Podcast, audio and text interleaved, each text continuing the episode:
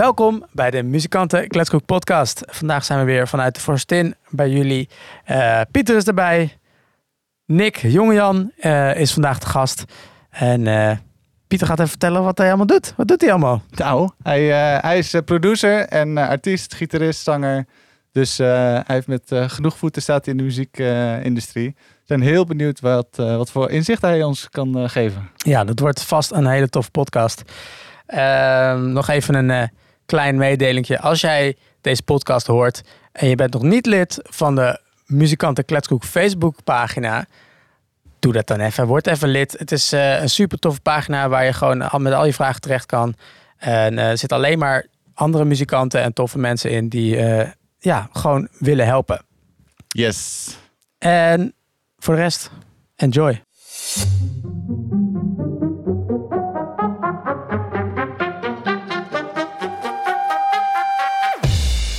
Tof dat je erbij bent. Hey, dank jullie wel. Leuk.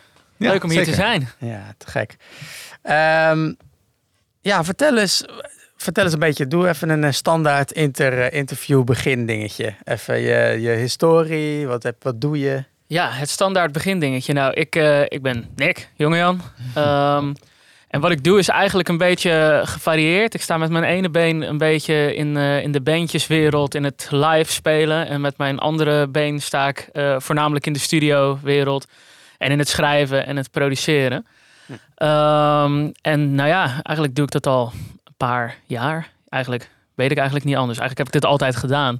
Dus ik heb wat, wat betreft de bandjes, uh, heb ik mijn eigen bandje. Dat heet The Young River. Dat is een beetje moderne country, beetje moderne Nashville uh, invloeden. Uh, en daar speelden wij een hoop mee. dus dit jaar iets Daar hoeven we verder niks, niks over te zeggen. Nee, nee precies. Daar, dus nou ja, dat, uh, dat is super leuk om mee bezig te zijn. En uh, daarnaast ben ik dus heel veel bezig met het schrijven, uh, produceren, mixen, masteren van liedjes. Okay. En schrijven met leuke mensen. En, en dat zoveel mogelijk. Zoveel mogelijk liedjes schrijven met zoveel mogelijk leuke mensen. Te gek. Ja, want je zei, ik ken niet anders. Um, wanneer ben je dan ongeveer een beetje begonnen met het um, schrijven van muziek? Nou, ik denk dat dat een beetje begonnen is toen ik op de middelbare school zat. Een beetje het standaard verhaal van, uh, nou ja, ik speelde in een punkbandje. We deden altijd blink covers. En, uh, uh, en op een gegeven moment wilden we eigen liedjes gaan maken. En nou ja, er was zo van, ja, maar oké, kan er iemand schrijven? En toen dachten we, nou, je kunt wel eens proberen, toch? En uh, toen was vervolgens het ding van oké, okay, maar ja, we moeten eigenlijk ook een zanger hebben. En toen was het gewoon een soort van oké, okay, wie zingt het, uh, het minst kut van ons allemaal? nou, dat was ik op dat moment. dus uh, nou ja, op dat moment gedoemd om leadzanger te worden van het middelbare schoolpunkbandje. En toen me helemaal gaan verdiepen in, nou ja, in het ja, schrijven van muziek. En nou, ik hield van punkbandjes als All Time Low, Simple Plan, een beetje de modernere poppunk. En uh, nou ja, daar een beetje ingedoken. Nou, toen hebben we daar lekker mee gespeeld en zijn we lekker mee bezig geweest. Um, nou ja, tot op het punt uh, dat we op een gegeven moment uh, in contact kwamen met Robin van Loenen. Nou ja, die ken jij in ieder geval. Zeker, zeker. En, um, en dat was, die speelde destijds in Destin. Dat was toch in Nederland wel een van de grotere punkbands.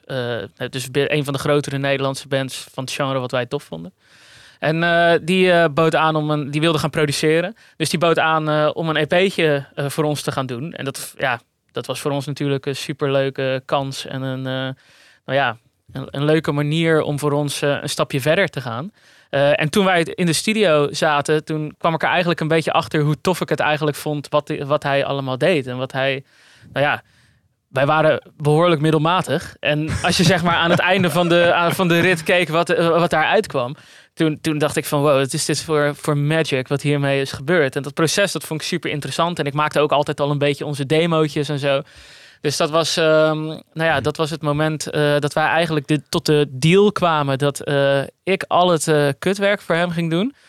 Denk aan editen, editen okay. bas editen, drums editen. Ik wist ook helemaal niet hoe dat moet, dus hij ging mij dat allemaal leren. En dan in ruil voor een soort van zijn kennis. En um, nou ja, dat uh, is eigenlijk een beetje de start geweest van uh, ik, die een soort van het studioleven dan ook heb ontdekt. maar ja, ik vond het live spelen daarnaast ook nog altijd heel leuk. En op een gegeven moment, dat was precies op het moment dat ik van de middelbare school overging naar mijn studie. Want ik heb dan op de Rock Academie gestudeerd in Tilburg.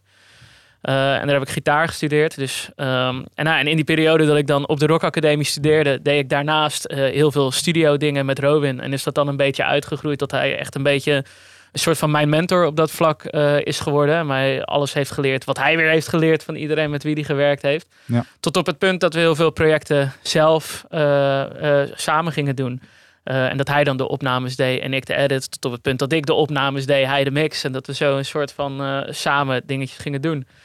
Um, ja, tot ook weer op het punt uh, dat hij op een gegeven moment ging verhuizen. Want zijn studio zat heel erg in de buurt bij waar ik woonde. Dus dat was lekker makkelijk. Hmm. Ja, en toen ging hij verhuizen, een nieuwe studiolocatie. En op dat moment kreeg ik ook uh, de kans om mijn eigen studioruimte te gaan bouwen. En toen was het een soort van, ja, ga ik, ga ik mee of ga ik mijn eigen uh, ding nu doen? Ja. en toen is het dat tweede geworden, omdat een kans om echt je eigen studio te gaan bouwen en daar gewoon alles in te gaan stoppen. Nou ja, dat komt niet super vaak op je pad. En uh, dus dat was op dat moment wel even een soort van lastige beslissing. Um, maar dat is een beetje mijn uh, studio producing uh, kant ja. van het verhaal, hoe dat een beetje is ontwikkeld.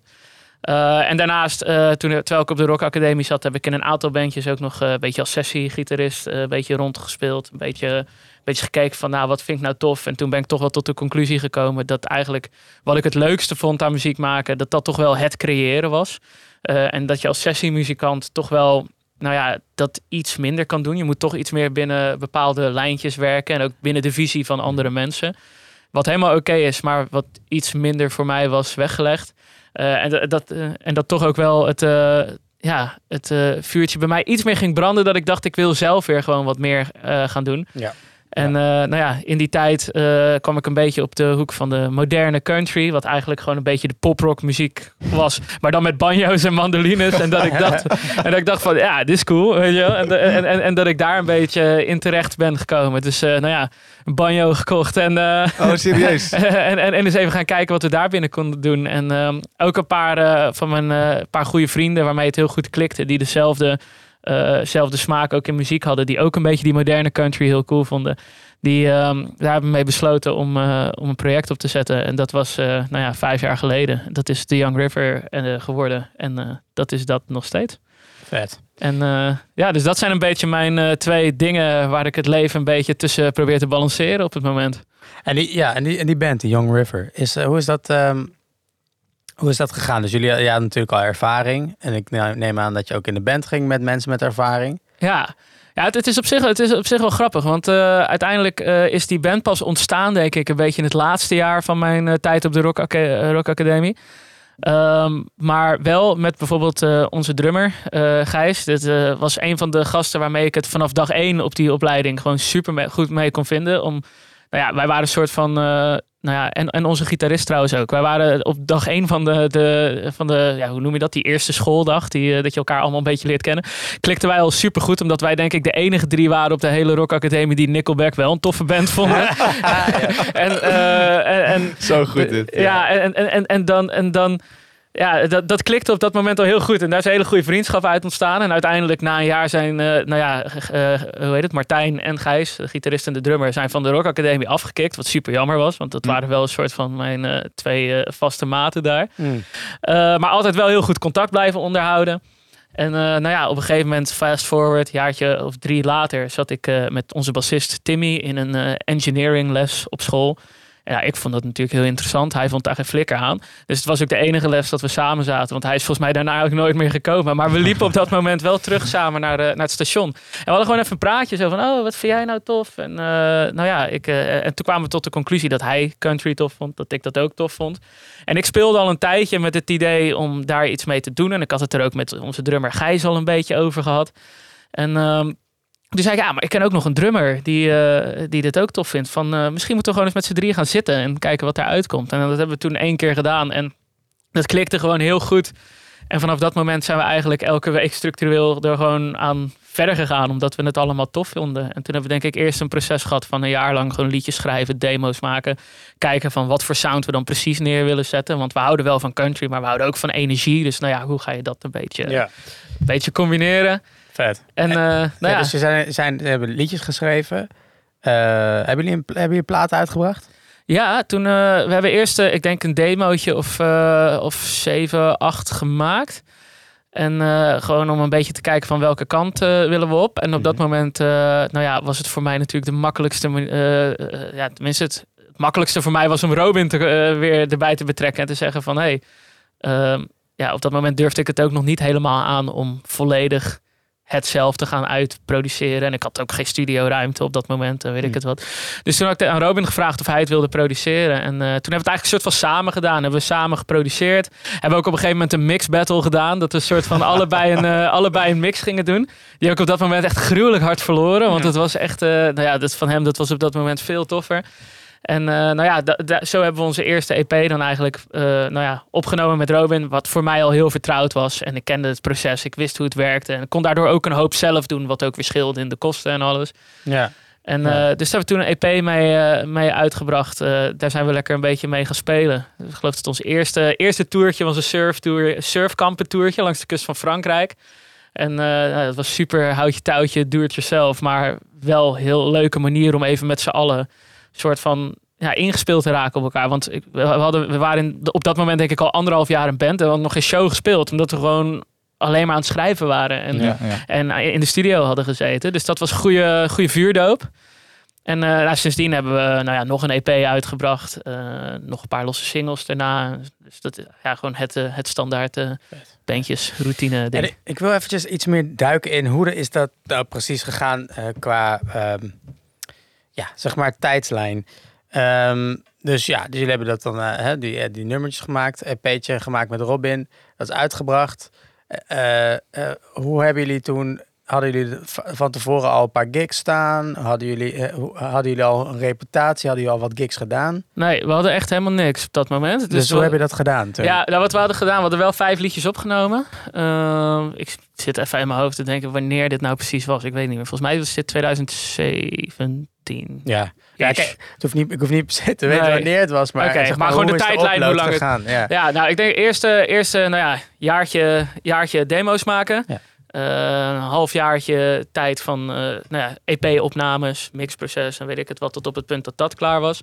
Eh, en toen kwamen we op het punt van, om te gaan releasen. En toen hadden we ervoor gekozen om, om alle vijfde liedjes als losse singles te gaan releasen. Ja. Zodat we het een beetje konden spreiden. Ook omdat we nog helemaal niks van een rep- reputatie of iets hadden.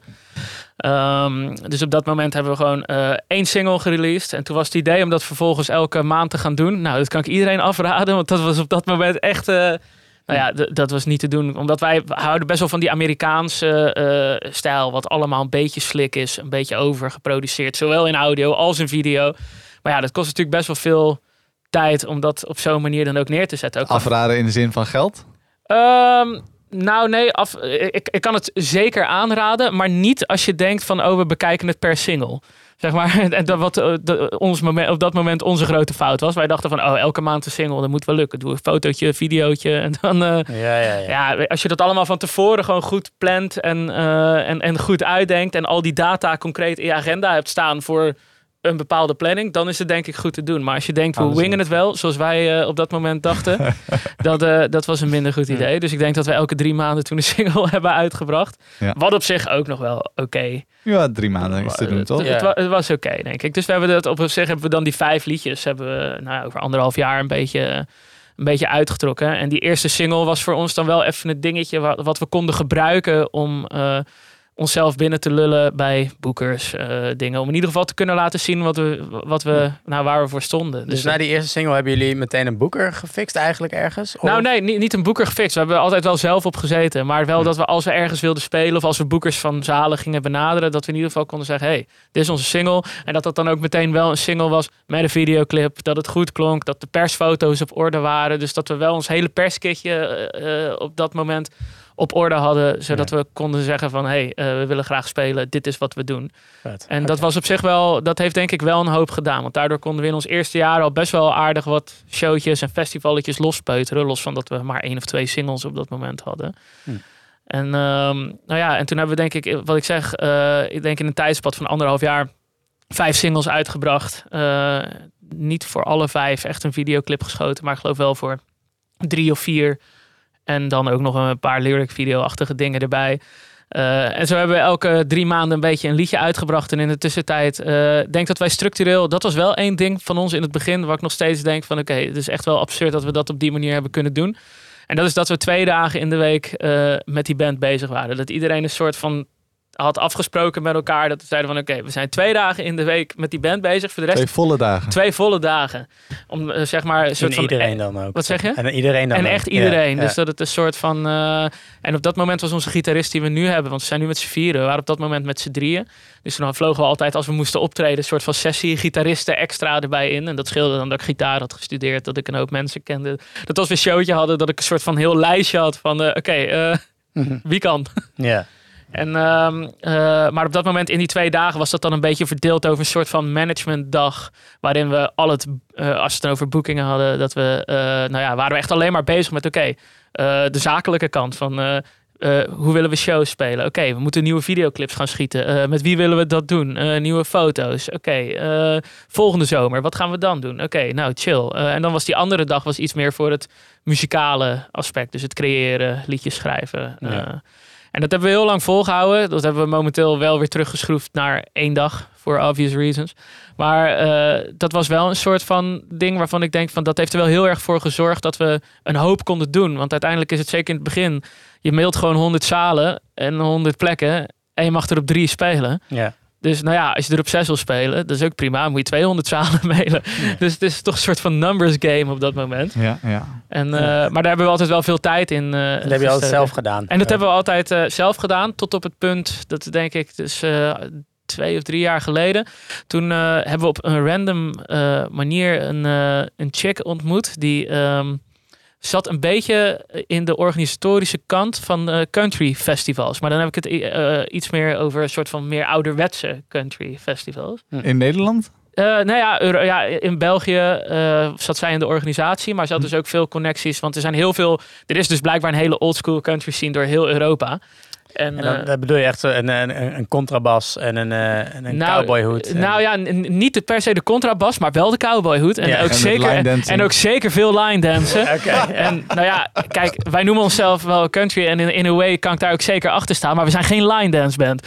Eh, Nee. en, en, ehm, eh, en dat was wel een, eh, een ding. Dat zij, zij was heel enthousiast over ons. Dus ze zei, eh, ze zei ook van, nou ja, ik wilde sowieso al minder... eh, eh, haar eigen werk een beetje wat minder gaan doen. En wat meer nog met die muziek gaan doen. Dus ze zei, kan ik niet bij jullie, kan ik niet het management voor jullie doen? En, en dat wij dachten van, ja, dat is op zich oké, maar we zijn het zo gewend om dat tot nu toe altijd zelf te doen. Um, en uh, toen zei ze dus we zeiden van, nou ja, we kunnen het wel met z'n vijven doen op, dat moment. Dus toen is ze er, uh, dus toen is ze er gewoon bijgekomen als een soort van extra bandlid op het managementniveau. En dat heeft wel echt een, een hoop gedaan. Want wat zij dus qua werk deed, zeg maar, ze, ze, was, ze hielp in de organisatie van een, van een country festival. Maar daarnaast werkte ze gewoon voor de gemeente. En ik weet niet precies wat haar functie was. Maar het had te maken met dat. Stel je hebt een achterstandswijk. Uh, waarin het niet goed gaat. Dan was het Esther, heette hij. Dan Esther, ga jij maar kijken hoe je in de komende vijf maanden gaat. Of, of, of, of nou ja, twee jaar, weet ik wel. Bepaald tijdspad. Ga maar kijken hoe deze wijk van achterstandswijk naar gewoon een normale wijk kan gaan. Waarin de werkloosheid niet is en waarin al deze mensen gewoon weer wat meer vooruit kunnen streven. En nou ja, zij heeft al die dingen die ze daarin gebruikt ook best wel toegepast op ons management. Dus een soort van, oké, okay, waar zijn jullie nu als act? Achterstandsmanagement. Achterstandsmanagement. Wij waren een soort achterstandsbandje. En uh, nou ja, waar, waar, waar, ja, waar, waar, willen jullie heen? Nou ja, dat, uh, dat was duidelijk dat dat verder was dan waar we op dat moment waren. Ja. Uh, dus met haar ook echt een soort van heel stappenplan gemaakt. En nou ja, zij kon haar contacten in die country scene dan ook een beetje inzetten. Waardoor we iets meer op die country festivals konden spelen. Wat een soort van hele bizarre ervaring was. Omdat daar dus heel veel line dance achtige bands waren. En dan komen wij daar ineens. En wij zijn best wel wat energieker en wat rockier. Dus wat je ook merkt is dat zeg maar de hel- een gedeelte van de mensen die vonden het echt helemaal niks. En de andere, het andere gedeelte vond het echt helemaal te gek. Zeg maar. Er was geen middenweg. Dus dat was op Beetje zich... Nickelback. Beetje Nickelback weer, wederom. dus dat... Uh, maar ja, dat, weet je... dat, is wat je wil hebben, toch? Eigenlijk. Eigenlijk wel. Ja, ik bedoel, als iedereen het een beetje vanille vindt, ja, dat, dat, dat, dat, dat schiet ook niet op. Nee. Dus, eh, en dat was ook juist extra leuk, omdat mensen dan echt enthousiast waren en zoiets hadden van, oh wat fijn dat er eindelijk eens een keer gewoon een energieke, Ja. eh, wat modernere act eh, staat. En nou ja, dat heeft ook wel weer wat dingetjes losgemaakt met dat we dus iets meer onze voet in de deur konden krijgen, een beetje in die Europese country scene. Dus dat betekende ook dat we vorig jaar eigenlijk dus een soort van eh toertje door Europa hadden. Dat we een aantal festivals in Duitsland hadden, in Denemarken, dat we in Engeland konden spelen. En dat was allemaal omdat daar een soort van apart country sceneetje was waar we niet echt van af wisten, maar waar we dus een beetje ingerold waren. Nou ja, dat is dan eh, allemaal niet helemaal doorgegaan eh, of vooruitgeschoven of die. Dus allemaal, die planning is een beetje vloeibaar geworden. Ja, Ja. ja. Ehm, maar het was wel een soort van, eh, wat voor ons op dat moment heel erg geholpen heeft, is dat we gewoon een visie van buitenaf hadden, die gewoon eventjes eerlijk naar ons kon kijken van, oké, eh, waar zijn jullie nu? Wat willen jullie? Hoe waren jullie dat van plan? En dan vervolgens alle redenen gaf waarom ons plan niet werkte. En eh, dat ze daar vervolgens met ons naar ging kijken. En die frisse blik van buitenaf, die ook niet helemaal puur vanuit de muzikanten mindset kwam. Dat heeft voor ons wel een hoop gedaan. Dat we ook iets meer met een helikopterview naar de act konden kijken. En konden kijken van oké, maar als dat is wat we willen, dan moeten we dit en dit en dit en dit gaan proberen. En nou ja, wie zijn de gatekeepers? Nou, zij, zij en zij. Hoe gaan we daarmee in contact komen? Oké, en, en eh, ik, ik wil zo wel even een voorbeeldje horen van wat jullie dan dachten en wat zij dan echt een, een kut idee vond. Zeg Ja. maar. Eh, maar eh, dus jullie hebben tot nu toe ook nog niet echt een boeker. Dus een officiële boeker die jullie boekingen doet. Jullie doen dat nog steeds zelf. Ja, wij doen dat nog steeds zelf. Ja. Ja, ja. en ik moet zeggen dat. Het gaat heel goed. Ja, dat gaat eigenlijk best wel goed. Ja. Het is een soort van. Kijk, ja, het, het is toch een soort van ook relaties opbouwen met mensen. En niet te veel. eh, nou, ik heb ook de podcast eh, met Leslie natuurlijk even een stukje geluisterd. En eh, ook het voorbeeld wat hij gaf van. ga nou niet boekers blijven mailen en weet ik het wat. Dat is natuurlijk super relevant. En het is in de muziekwereld toch ook wel een beetje een soort wereld van goodwill of zo. En nou ja, op het moment dat je veel mensen kan helpen, dan krijg je ook automatisch wat meer dingen terug. En ik denk dat het ook een hoop scheelt dat ik dus met mijn ene been een beetje in de studiowereld sta en met mijn andere been eh, in de bandjeswereld. Want nou ja, als ik in het werk, als ik met de band aan het optreden ben, ontmoet ik andere toffe muzikanten met wie het tof is om samen te werken, samen te schrijven of samen op te nemen. Tegelijkertijd als ik in de studio zit, ontmoet ik ook weer muzikanten waarmee het wellicht tof is om samen weer te gaan spelen. En ja, ja. dan dat, het werkt een beetje in elkaars favor als het ware. Dus, eh, dus dat in combinatie met gewoon veel mailen en eh, nou ja, een goed plan krijgen en, en, en, en concreet weten waar je dan zou willen spelen en waarom. En ook kijken dat dat ook echt past. Eh, ik denk dat dat wel de combinatie is waardoor dat tot nu toe wel werkt. En Ja. Ik zeg niet dat we nooit niet met een boeker gaan werken. Want als je een boeker hebt met wie je het goed kan vinden, die achter jou staat en die je weg wilt zetten en die daarvoor wilt werken, dan is dat helemaal oké. Maar uiteindelijk is het toch lastig te vinden om mensen. Het is lastig om mensen te vinden die net zo hard voor je act willen werken als dat je dat uiteindelijk zelf wil doen.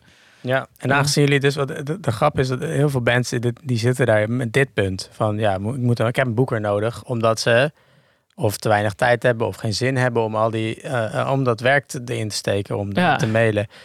Maar ja, jullie hebben dus op een of andere manier een manier gevonden om dat toch wel te doen. En dan sta je best wel sterk ook tegenover eh, buiten. Ja, die manager heeft aangeboden om voor jullie te gaan werken. Dat Ja. is een ander verhaal dan als jij vraagt aan een manager van wil je voor ons komen werken? Nou ja, ik, de- ik denk ook eigenlijk dat dat, want dat is een soort van de eindeloze cirkel waar mensen die een bandje spelen een soort van inlopen. Van oké, ja, we willen optreden. Oké, wat hebben we nodig? Een, eh, oké, dan hebben we een boeker nodig. En, en de boeker die denkt van, oké, eh, nou ja, we hebben een bandje dat wil spelen. Oké, maar wanneer kunnen we ze boeken? Ja, als ze publiek trekken. Oké, dus we moeten eerst publiek trekken. Nou, hoe doen we dat? Door shows te spelen. Oké, hoe spelen we shows? Ja, dan hebben we toch een boeker nodig. Ja. Dat is een soort van eindeloze cirkel waarin bandjes toch voor mijn gevoel een beetje blijven hangen. En dat je dan toch, ja, het, het andere alternatief is zelf gewoon de effort erin steken. En ik denk dat dat is natuurlijk wat veel muzikanten wel een soort van een beetje afstaat. Is dat je, ja, waarom ben je muziek gaan maken? Omdat je muziek maken te gek vindt. Je wil met je vrienden gewoon lekker in de oefenruimte staan en, of op het podium en lekker muziek maken. Eh, maar ja, als je dat dus wilt doen, dan is het alternatief. eh, Als je dat wilt doen, dan moet je gewoon een heel veel, heel veel mensen mailen en Ja, heel ja. veel plannetjes maken en die daadwerkelijk ook uitvoeren. En dat was ook de hele reden dat we dachten, oké, we hebben een managementdag en we hebben een muziekdag. Dat we dat een beetje van elkaar konden scheiden. Eh, want het is, gewoon, het is gewoon een hoop werk. En ik denk dat dat veel muzikanten een beetje afstaat. Hoe resulteert, hoeveel, wat is een goed jaar voor jullie qua hoeveelheid eh, optredens? Nou, ik denk dat wij een stuk of 60 shows. Zo, dat is best wel Vijf- een- 50, 60. En met dat eigen werk. Eh, Ja, en dat varieert dan echt van. eh, maar maar dat, dat varieert dan van soms wat akoestischere, kleinere dingetjes. En af en toe wat clubshowtjes en voorprogramma's. En dan eh, moesten wij het ook wel regelmatig van het festivalseizoen hebben. Want nou ja, daar konden we dan ook wel een hoop in doen. En dan, ja, dan speel je niet op de Lowlands en op de, op de grote festivals. Maar er zijn ook nog een hoop kleinere festivalletjes. Waar je, nou ja, Die heel tof zijn ook. ja, die heel, die heel tof zijn. En wat ook wel eens voor ons een soort van manier was om weer nieuwe mensen een beetje te werven. Kijk, het gaat niet super snel op die manier. Want het, is- het is een soort van, ja, je speelt op een festival. Nou ja, er staan dan 200 mensen. Nou ja, dan vinden het de 20 vinden het te cool. Die ga je volgen. Dus nou ja, dan, dan moet je één show spelen om weer, eh, nou ja, wat is het? 15 eh, likes of iets erbij te krijgen. Maar ja, als je dat maar vaak genoeg doet en je kan dat eh, gebruiken op een manier om de bandpot weer een beetje aan te vullen. En eh, Ja. nou ja, het was voor ons ook gewoon een manier om geld te verdienen. Dus soms was het ook een soort van, oké, dan speel je een akoestische show op een plekje waarbij het ja, iets minder cool allemaal was. Maar dan verdien je wel weer een paar honderd euro, wat je weer in de bandpot kon stoppen om, nou ja, volgende opnames van te financieren en weet ik het wat. Dus het was naast, eh, ja, het was altijd ook wel een beetje kijken van, nou ja, hoe kunnen we nou zorgen dat we die bandpot een beetje volhouden? Want, nou ja, de manier om nieuwe mensen te bereiken is toch altijd ook wel gewoon om muziek uit te blijven brengen. Daar heb je geld voor nodig. Dus nou ja, hoe kun je dat dan doen? Dus we waren altijd ook wel bezig met op zoveel mogelijk manieren geld in die bandpot krijgen. Ja. Nou ja, en show spelen was daar één van. Dus Ja, wat ehm, qua geld is natuurlijk, dat is altijd een, wel een beetje een dingetje. Ga Ja. je er zelf nog geld eh, in stoppen of ga je alleen maar inkomsten genereren? ja, Ehm, wat is dan eh, de, de juiste balans zeg maar, tussen eh gig spelen voor het geld en gig spelen omdat je het leuk vindt? ja, wat is de juiste balans daarin? Ik denk, ik denk dat dat voor iedereen anders ligt. Het ligt er ook weer net aan hoe, hoe kut je het vindt om op een feestje te spelen van Kees die 50 wordt in de Achterhoek. Ja, ja, ja. Dat doen jullie wel? Of dat doen jullie niet? dat hebben wij wel gedaan. Ja, ik denk op het moment. eh, maar dat, was, dat waren wel specifieke dingen. Dat waren dan ook wel mensen die het echt vroegen omdat ze onze act echt vet vonden. Ja. en Ja, dat ze dan, weet Waarom je- zou je dat niet doen? Dat zou ik echt stom vinden als je dat niet doet. Dat is, dat is echt een specifiek iemand die ook geld voor jullie over heeft. Ja, nee, en, dat voelt dan toch ook een soort van, een, eh, van als een eer. Ik bedoel, zo Ja. iemand wordt één keer 50, die gaat dan een feestje geven. En dan willen ze per se jouw act daar hebben. En ik bedoel, kijk, ja, ik vind het leuk om te spelen, maar we zijn niet echt een feestband, weet je.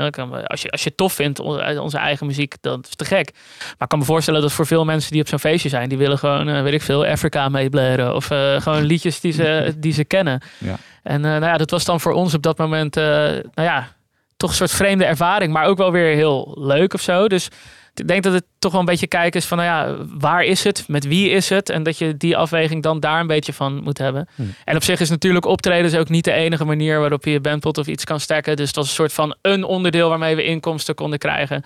En Ja. dan, eh, nou ja, soms kon je op een heel vet festival spelen of een heel tof voorprogramma en dan kreeg je 100 euro en dan draai je verlies. Maar doe je het ook, omdat je het gewoon heel tof vindt, weet je wel. Dus Hmm. het is een soort van altijd de afweging maken. Eh, wat, ehm, even terugkomend op eh, dus het management. Dus Ja. wat, eh, wat, was een, wat is een voorbeeld van een idee wat eh, jullie hadden? Dus een- waarschijnlijk een langetermijndoel of zo. Ja. Of laten we dat zeggen. Wat is een langetermijndoel wat zij totaal niet zag zitten? Hadden jullie dat of zaten jullie wel een beetje in de... Op wat Nou, ik denk, dat het, ik, denk, ik denk dat het grootste lange termijn doel bij ons een beetje was. was dat het, wij dachten heel breed. Wij dachten gewoon een soort van: oké, wat is jullie doel? Nou, wij willen gewoon, gewoon onze muziek aan zoveel mogelijk mensen laten horen. En eh, nou ja, dus onze doelgroep die was ook een soort van, eh, nou ja, heel breed en niet super specifiek. Waardoor als je dan zeg maar moet gaan kijken van nou ja, plekken om op te treden, eh, van nou ja, dan, dan ga je gewoon overal en dan ga je gewoon schieten met hagel en dan, en dan zie je wel wat er terugkomt. Ehm, en waar we met haar heel erg op hebben gezeten was oké, maar wie zijn dan de mensen, oké, wie zijn de acts die jullie tof vinden? In welk lijstje van artiesten passen jullie? Nou, gaan we kijken, oké, wie zijn de mensen die dat tof vinden? En dan denk je van, nou ja, oké, eh, nou ja, dat zijn dan misschien wel deze mensen, maar misschien ook die. Nee, wie zijn de mensen die het echt tof vinden? Wat is nou de harde kern van de mensen die jullie muziek leuk vinden? En, Ja. eh, kun je, dat is als een voorbeeld. Dat, dat, dat hoor ik vaker. Dat je dan zo je, je perfecte fan haast een soort van Ja, een soort eh, customer pop- avatar. poppetje maakt. Ja, Ja. weet je. Ja, Wat heeft hij aan en waar gaat hij heen? En Ja, wat, ja, ja, ja. Wat, wat is eh, zijn eh, levensstijl, zeg maar. Hoe, hoe, hoe, hoe zit dat bij jullie in jullie geval, zeg maar? Dus even specifiek op wat, Specifiek voorbeeld. wat vinden ze leuk? Wat, hoe, zien jullie fans eruit? Nou ja, onze fans die zijn dan eigenlijk... En, en dan kom je dus op het ding van... ehm, onze fans zijn denk ik... in, in dit geval, ik betrek het even op Europa... omdat dat gewoon het makkelijkste is eh, voor Ja. spelen. Want Ja. daar kunnen we heen rijden. Ja. Eh, dus dan zijn er toch wel eh, mensen uit Europa... ehm, die van Amerikaanse, moderne countrymuziek houden. Dus dan hebben we het niet over Johnny Cash of Dolly Parton...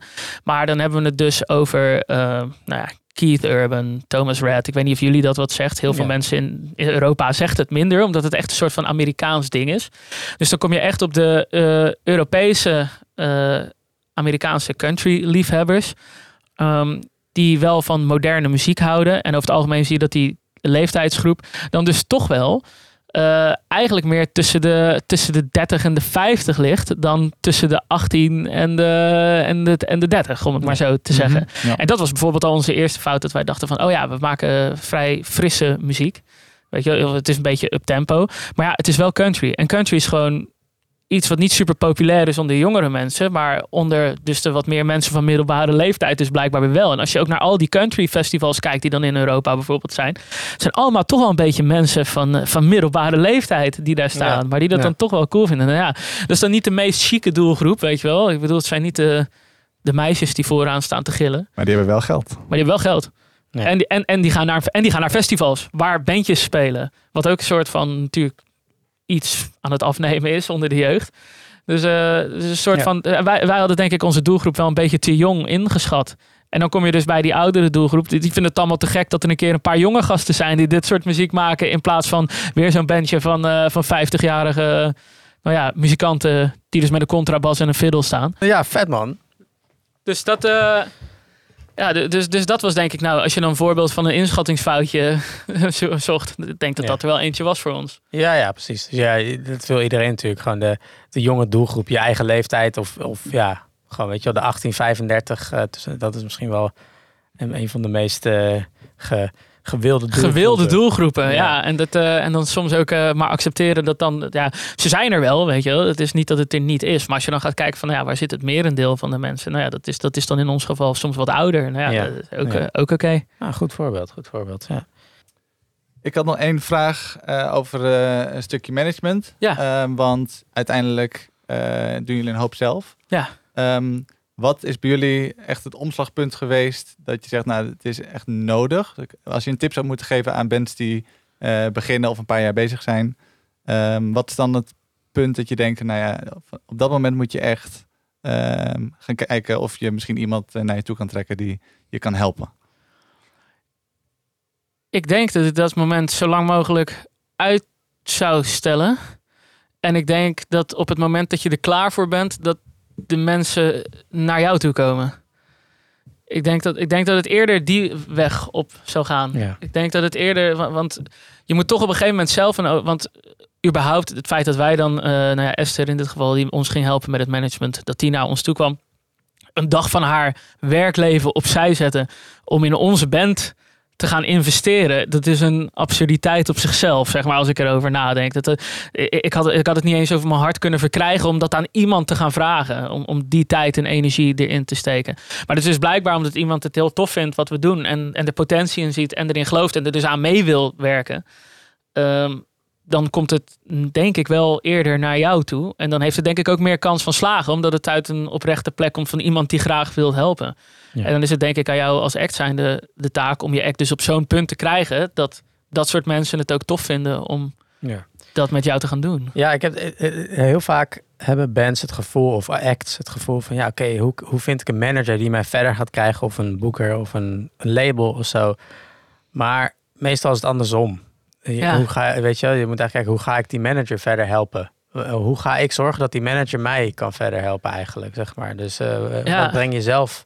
Eh, en dan, want als je, als je een, een niks te bieden hebt, hè, laten we zeggen, je, je brengt één keer in het jaar een, een, eh, een paar een, een, een, een EP uit en er zit geen videoclips bij en shit en je doet zelf niks, Ja. dan, dan, dan kan de manager ook niks, Nou ja, en ik, ik had laatst eh, luisterde ik een podcast met een, eh, een gast die het eh, management van Taylor Swift heeft gedaan in haar begin. heet die gast ook weer? Die, Rick Barker. Rick Barker met die ja, heeft, een hele, heeft, heeft Ja. een hele coole, hele coole podcast voor Ja. zakelijke Ja. dingen in de muziekindustrie. En op een gegeven moment had hij ook dus het, sn- sneed hij dit onderwerp aan. Zo van, oké, wanneer ben je dus klaar voor een manager? En hij zei het super blunt, zo van, nou ja, je bent klaar voor een manager op het moment dat je een manager kan betalen. Ja. Nou, en ik denk dat iedere band van zichzelf wel weet of dat wel of niet aan de hand is.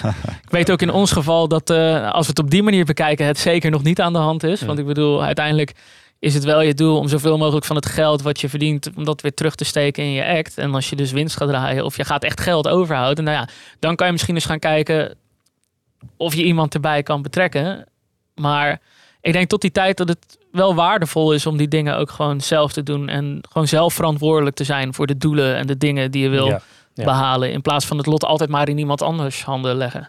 Ja, heel goed. Ja. Heb jij nog iets over dit het bandjesdeel? Nee, ik dacht inderdaad, we kunnen naar het producer gedeelte. Ja, wat?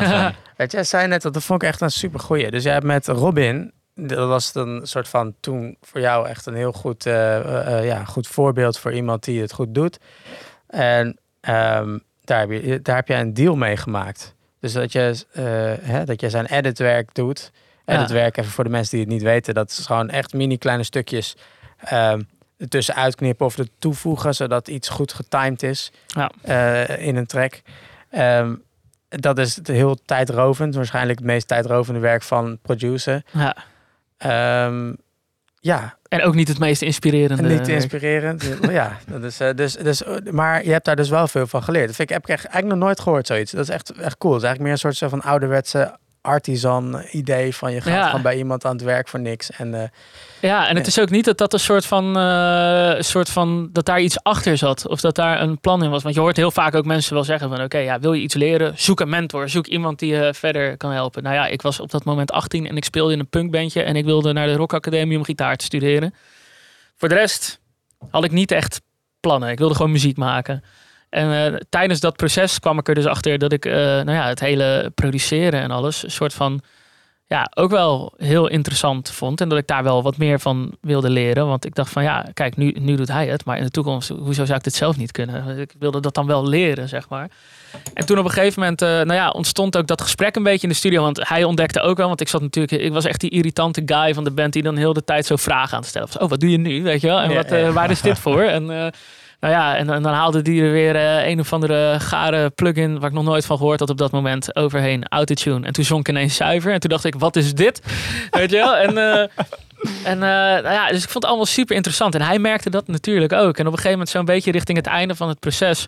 nou ja, het was een soort van logisch gevolg van, ja, edit is gewoon niet echt leuk werk. En nou ja, het was voor hem natuurlijk ook een hele makkelijke uitweg. Van ja, als hij nou iemand kan vinden die super leergierig is en die dat in ruil voor kennis dus wil doen. Het was echt een soort van win-win situatie. Want hij had wat aan mij op dat moment. En nou ja, ik kon heel veel dingen leren over het hele studio ding. Ja. Wat ik super interessant vond.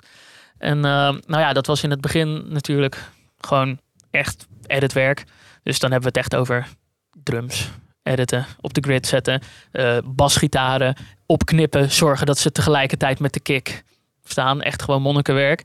Ehm, tot ook op een gegeven moment op het punt dat ik gewoon in de studio eh, er wat meer bij ging zijn. Dat als er een eh, soort van eh, bands naar de studio kwamen, dat ik daar dan ook was. En nou ja, dan deed ik de drums opbouwen en de drums stemmen en tunen en de sessie voorbereiden. En dat als ze dan dat Robin de pre-productie aan het doen was, dat ik tegelijkertijd de drums aan het checken was of alles goed klonk en alles instellen, microfoontjes klaarzetten en weet ik het wat. En ze kregen steeds een stukje meer verantwoordelijkheid binnen dat, binnen dat proces. En zo is dat eigenlijk gradual een beetje uitgegroeid nadat het op een gegeven moment ook betaald werd. Dus dan was het op een gegeven moment dan weet je de dingen die hij weet en dan ga je gewoon samenwerken. En nou ja, dan kreeg ik betaald. En nou ja, dan ja, hoe Was- ging dat gesprek?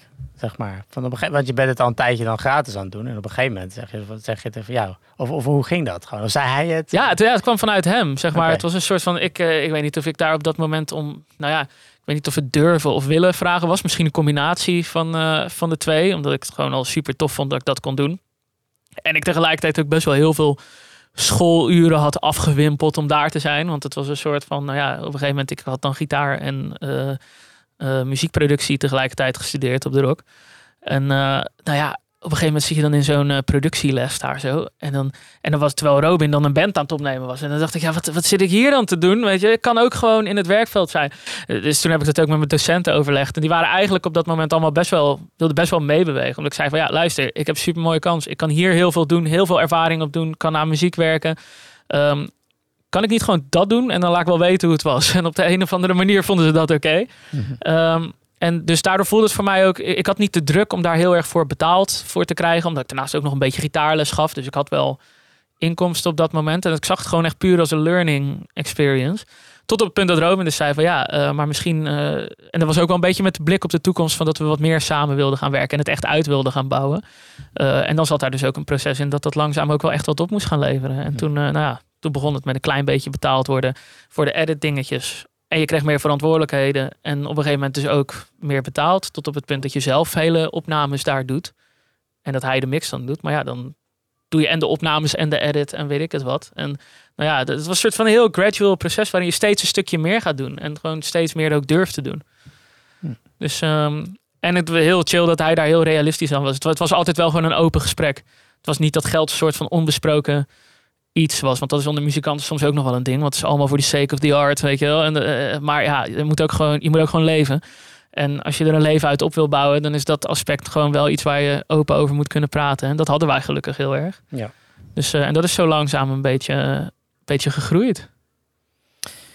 Ja, ja nou, dus jij bent er zeg maar nu, nu doe je je eigen producties ook. Ja. Mix je ook soms wel eens, want je zei dat Robin dan mix, maar doe je dat ook wel eens? Neem je ook wel eens echt eigen producties aan, zeg maar? Komen ja. mensen naar jou toe? Ja, ja, ja, nee, want dat is op een gegeven moment inderdaad wel een soort van de splitsing geweest van... Uh, in het begin was het heel veel met Robin samen. Deed ik daarnaast ook wel wat eigen projecten. Want ik was zelf altijd, ik had heel veel vrienden waar ik het goed mee kon vinden, ook op de rock. En altijd als iemand iets opgenomen wilde hebben. Dan zei ik, oh, ik kon wel helpen, weet je wel. Dus alle acts waarvan ik zelf ook dacht van dit vind ik leuk, daar ging ik ook iets mee doen. En dat stond volledig los van Robin. Dus zeg maar, los van dat ik met Robin dingen deed, deed ik ook altijd zelf gewoon.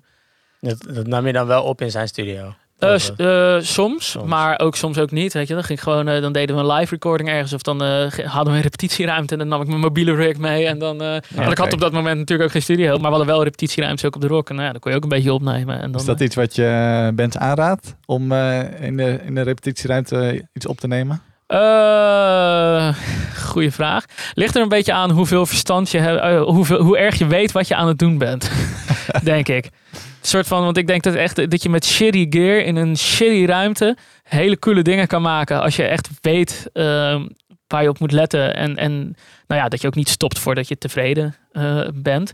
Kan je met minimale gear en, en, en, minimale spullen kan je hele vette dingen maken. En dan denk ik dat het niet uitmaakt of je in een hele grote studio of in een of in, of in een repetitiehok zit. Beetje afhankelijk van het genre. Ja. En, uh, hoe bedoel je dat dan? Gewoon bijvoorbeeld weten over microfoons, weten hoe dicht ze er moeten bij iets moeten staan. Ja, maar ik denk dat bijvoorbeeld, uh, nou ja, ik vind drums altijd uh, in producties een heel belangrijk onderdeel, omdat het toch een soort van de drijvende kracht achter ja. de muziek is. En de meeste microfoons en de meeste. Ja, ja. ja en, en, en, en, iedereen begint dan meestal bij de, bij de microfoons van, oh, welke kick mic en welke ding. Ja, van, nou, leer eerst dan hoe je een drumstijl moet stemmen, weet je wel? Want dat is een soort van toch wel waar het begint. Ik wist dat in de eerste instantie niet. Ik had het gelukkig geleerd in de loop der tijd. Want ik ben ook geen drummer. Maar op de een of andere manier kon ik dus wel beter een drumstel stemmen dan menig drummers. Want dat was ook een ding wat je op een gegeven moment leert. Is dat heel veel drummers niet echt weten hoe ze een drumstel moeten stemmen.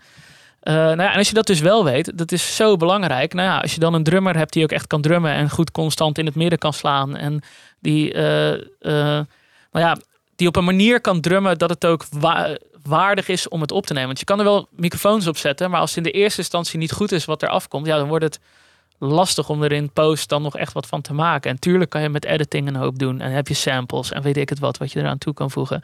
Dus, um, maar ja, hoe beter de performance en hoe beter het gestemd is, nou ja, dan kan je ook in een repetitieruimte uh, dingen laten werken. Alleen dan heeft het dus te maken met, ja, hoe, hoe neem je het op? Weet je wel, je hoeft in een dode repetitieruimte niet helemaal los te gaan qua room mics, want die zijn er niet. Dus dan, oké, dan moet je wel bewust zijn van, oké, als ik een roomy sound wil, hoe ga ik dat dan oplossen? En de, dus meer dat je soort van heel erg nadenkt over hoe je het wil doen.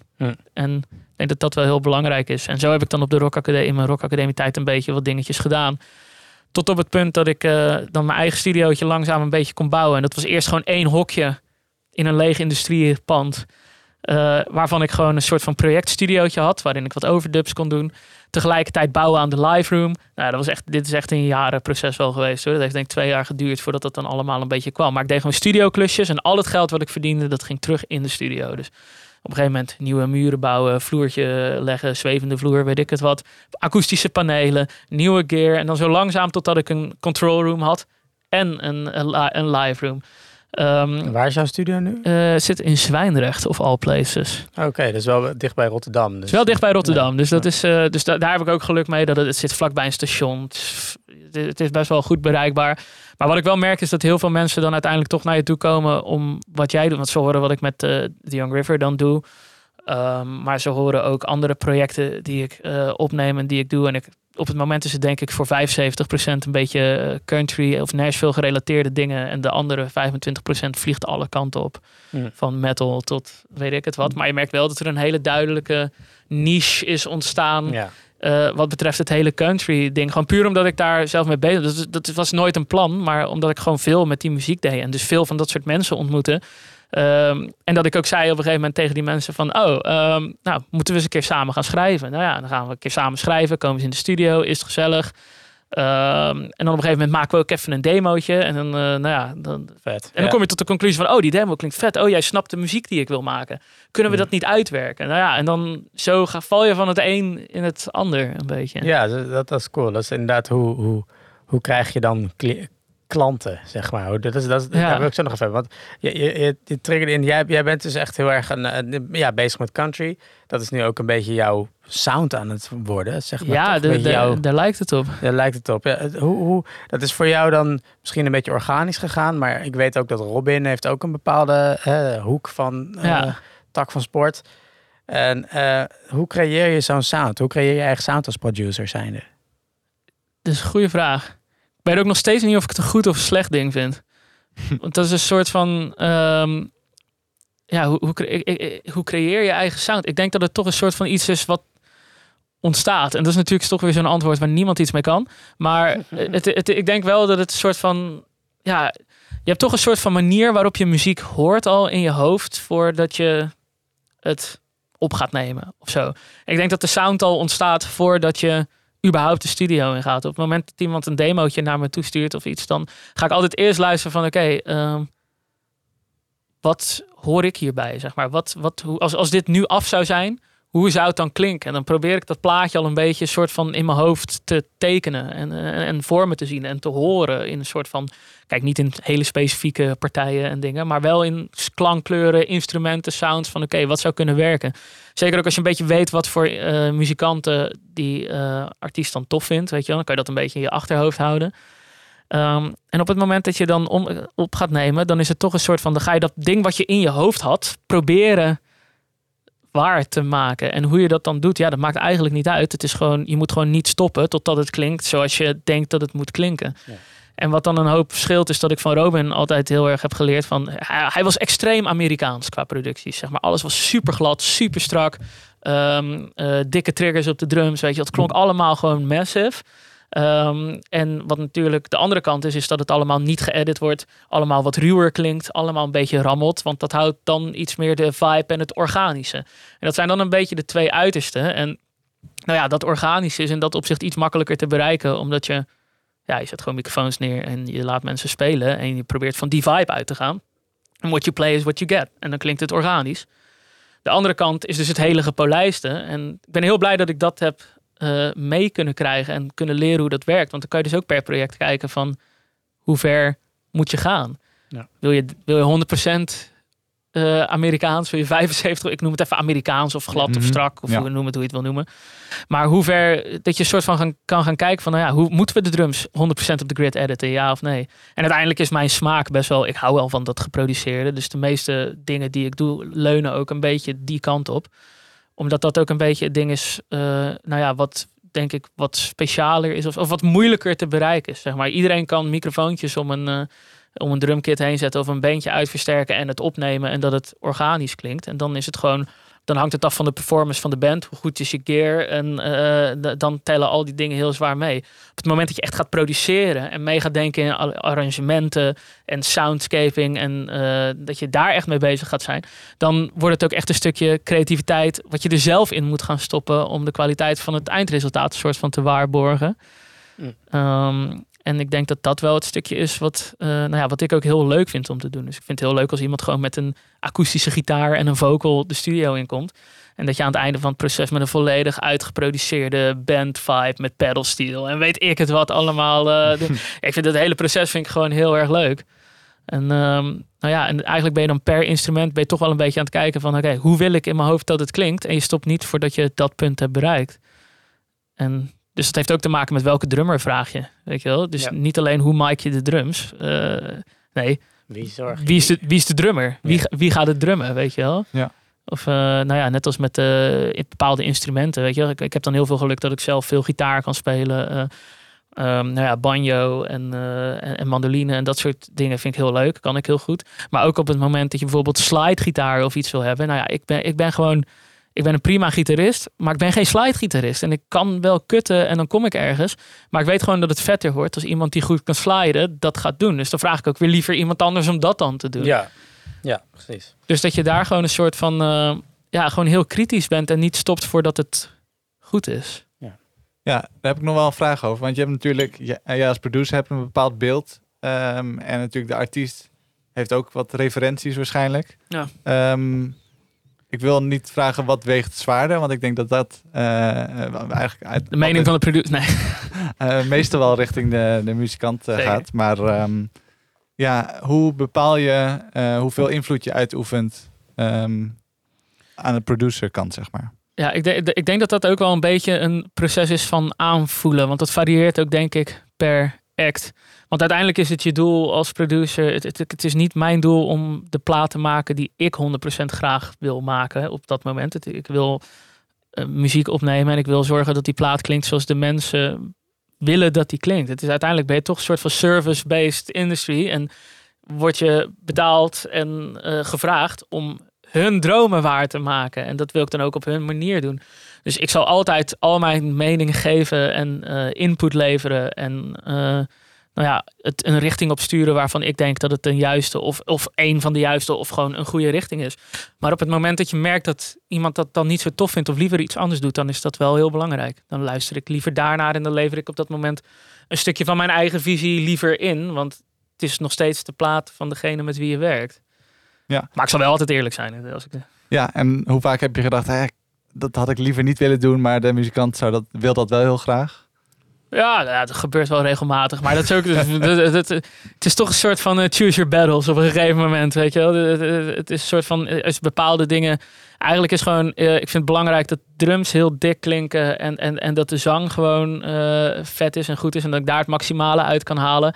En ja, of er dan een gitaar, als, als ik er heel graag een banjo in wil, omdat ik dat gewoon hard vind. En iemand anders wil dat niet. Ja, dan, ga ik, dan, dan, dan laat ik het in ieder geval horen. Weet je wel? Dus kijk, zo kan het klinken. En als ze dan nog steeds zeggen: nee, ik vind het niet tof, nou ja, dan, dan haal ik het eruit. Ja. Maar ik probeer wel altijd een soort van te testen. Zo van: oké, maar dit is wat het ongeveer zou kunnen doen. Want soms hebben mensen ook niet, dan zeggen ze al bij voorhand van nee. Ik wil dat niet, omdat ze er een bepaald gevoel of idee bij hebben, maar weten ze niet wat het eigenlijk doet. Dus dan probeer je het gewoon en als het niks is, dan haal je het eruit. En soms vinden ze het wel ineens tof en dan laat je het staan en dan moet het even groeien. En het is altijd een beetje, een beetje touwtrekken soms en dat is, uh, dat is oké. Dat is onderdeel van het proces. Ja, je had het net ook al een beetje over, um, over uh, ja, uh, cliënten. Dus van dat je gewoon met mensen van, nou, zullen we even gaan schrijven? Ja. Lijkt me leuk. Misschien kunnen we wel tos maken. Uh, en de mensen die ontmoet tijdens je optredens. en nou ja, goed, ik, ik, neem aan dat je daar ook veel mensen uit haalt. Maar hoe, hoe haal je nieuwe cliënten binnen ja. als producer? Ja, ja, ik denk wel dat ik echt de slechtste persoon ben om dit aan te vragen. Want het is niet dat ik ooit, uh, zeg maar, hier een plan voor had. Hoe doe jij het? Uh, ik doe het eigenlijk niet. Als in de zin van, over het algemeen komen de mensen met wie ik dingen doe naar mij toe. Uh, en het is eigenlijk, in het, in het, begin heb ik een paar keer wel zelf gewoon mensen benaderd om gewoon te zeggen: Hey, ik vind het tof wat je doet. Zullen we een keer even wat opnemen, kijken wat eruit komt. En ook tot op het punt dat ik het gewoon, uh, nou ja, gewoon of gratis of voor heel weinig deed. Gewoon puur omdat ik het wilde leren en zelf even wat dingetjes wilde proberen.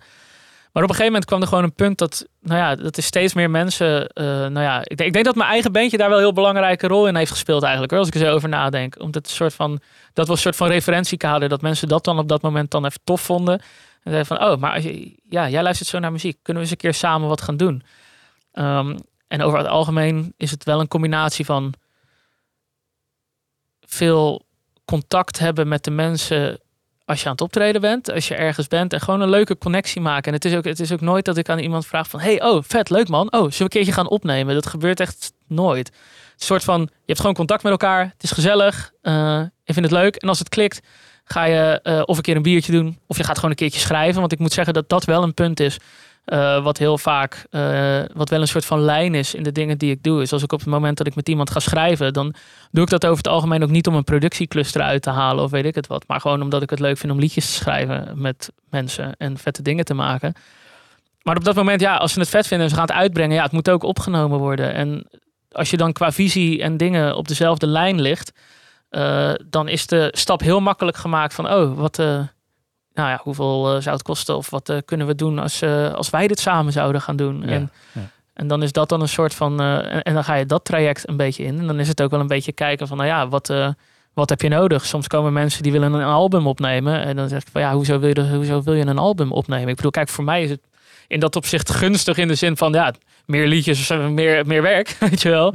Maar ja, het is altijd toch ook wel een beetje kijken van, ja, wat hebben mensen nodig? En ben ik ook wel de juiste persoon om het überhaupt mee te doen? Want als ik het gevoel heb dat het, dat het niet de juiste match is, of dat nou met smaak, uh, budget of weet ik het wat uh, te maken heeft, dan ben ik ook de eerste die zou zeggen: Oké, ik misschien moeten wij dit niet samen doen, maar ga eens met hem werken. En dan kan ik misschien mixen of iets in dat opzicht doen. Maar ook wel echt een beetje meedenken met mensen van, uh, nou ja, wat is, de, wat is juist voor jou op dit moment? En als ik dat ben, super. Als ik dat niet ben, ook goed. Um, nou ja, met wie zou je dan iets kunnen doen dat het, dat het werkt? Dus ik denk dat het een soort van, uh, het is een soort van heel gradual proces geweest. En ook voornamelijk door gewoon niet te veel erop te hameren van, oh, we moeten samen gaan werken of we moeten dit, maar gewoon daadwerkelijk gewoon value geven en ze verder helpen. Of dat is in de vorm van een liedje, of in de vorm van wat tips, of een connectie, of een, of een weet ik het wat. Uh, het feit dat je gewoon meer geeft en er niet zoveel van terug verwacht, betekent eigenlijk vaak dat er eh, via een weg wel weer wat voor terugkomt. Ja, cool. Ja, vet. Hey, uh, even, even een, een, beetje een productievraag. Uh, echt even letterlijk uh, over productie. Gebruik jij, doe jij veel in de box of gebruik je veel outboard? ik doe bijna alles in de box. Ja, dus ja, je kan net letterlijk met een. ik bedoel, het is nice om een, een monitor te hebben, maar je zou ook met een goede koptelefoon ja. En, gewoon een dingetje. Ja, ik ben, tegen, ik ben er op dit moment wat meer in aan te verdiepen om meer met koptelefoon te mixen. Om een soort van gewoon wat vrijer te zijn. En uh, dat je gewoon ook als, je, als het lekker weer is, dat je in je tuin gewoon zou kunnen zitten, bij wijze van spreken. En, en, en, zou kunnen mixen.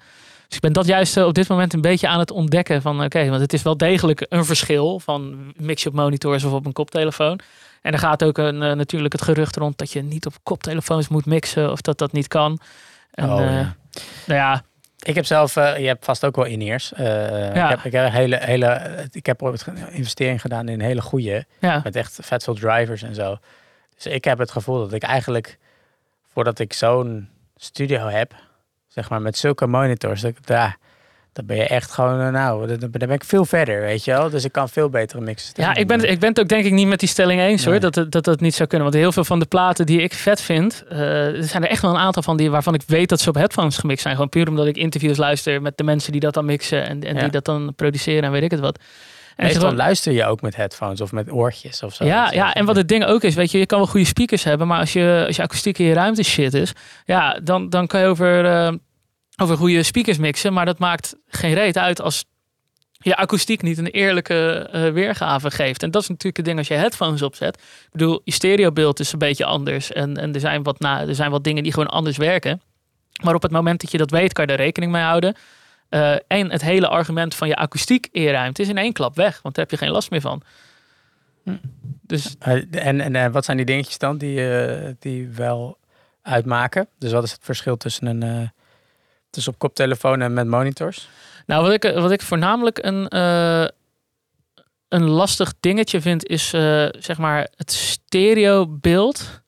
Uh, want je, je hoort op een gegeven moment op een koptelefoon hoor je alles natuurlijk super duidelijk, zeg maar.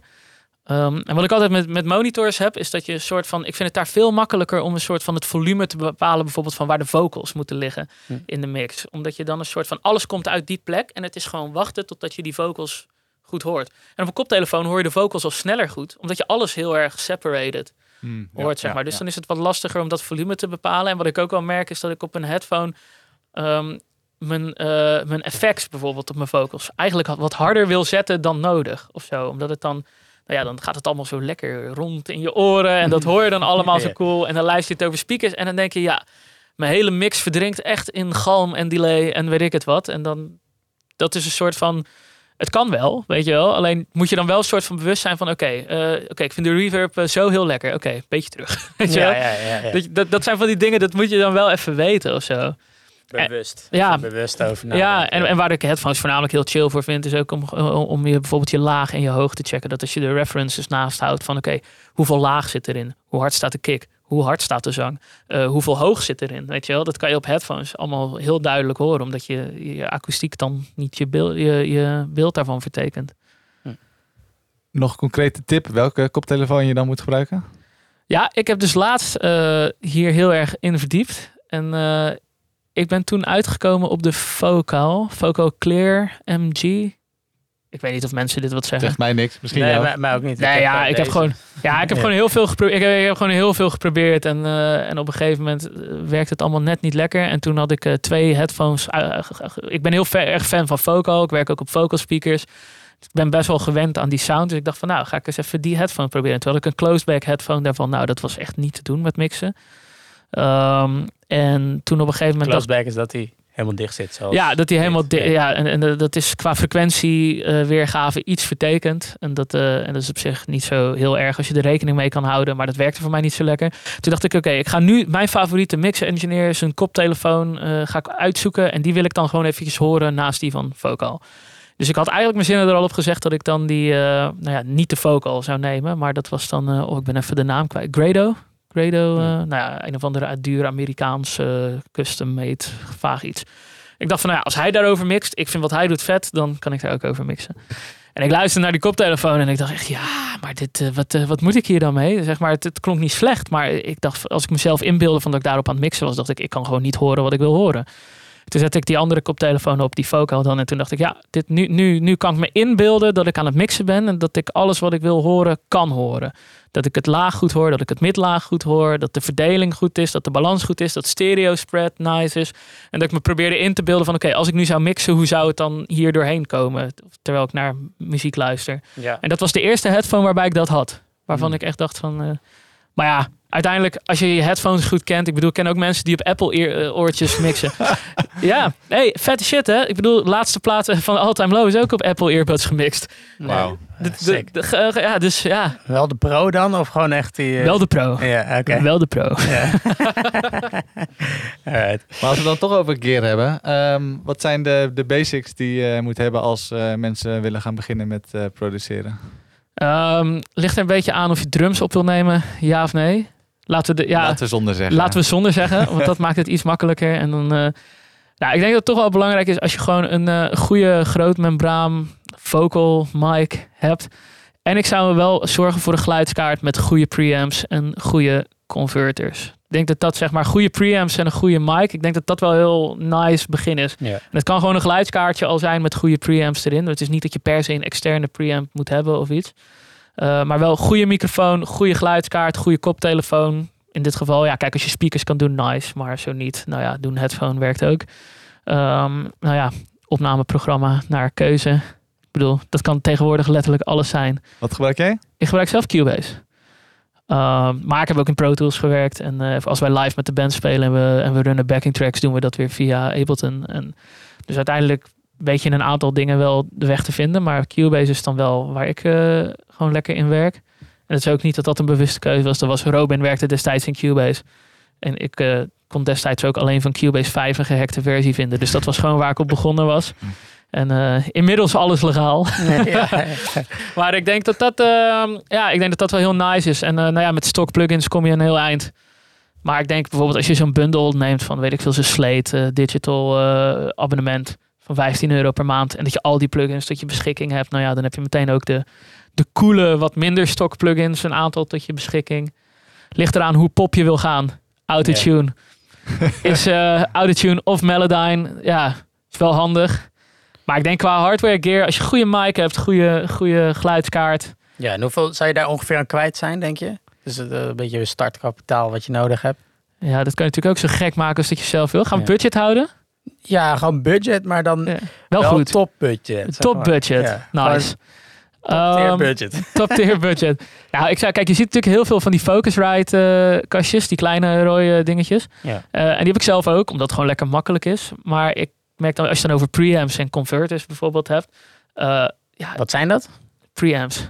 Preamps, dat is als je je microfoon ergens in je geluidskaart gaat stoppen, dan moet het signaal versterkt worden.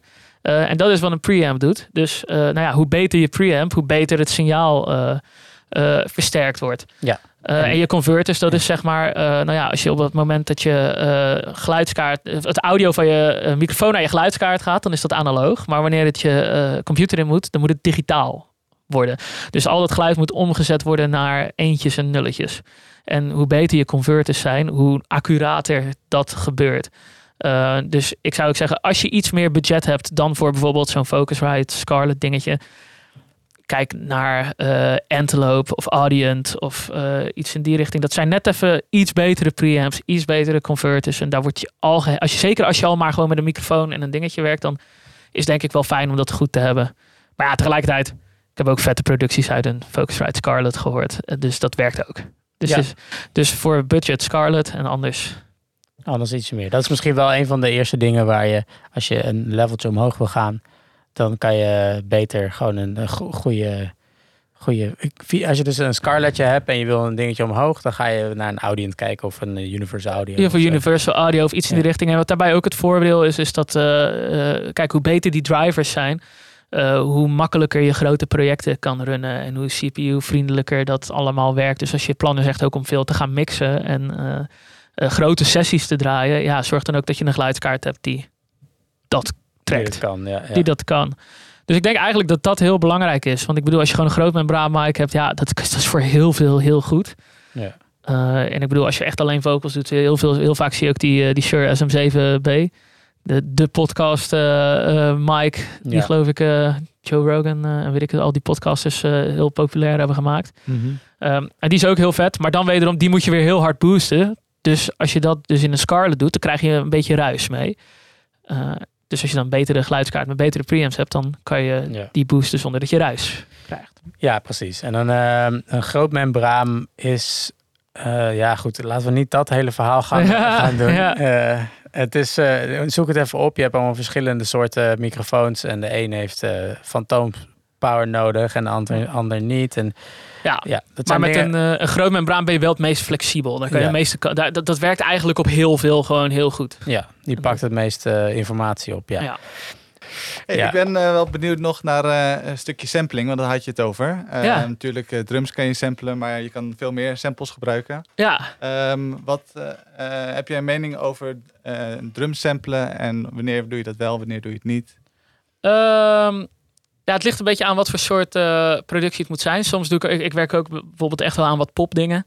Waarbij echte drums niet eens aan de orde komen. Dus waarbij je echt gewoon puur werkt met samples en eh, loops. Maar dan is het ook niet de intentie dat het klinkt als een echt drumstel. Dan moet het ook klinken als een beat.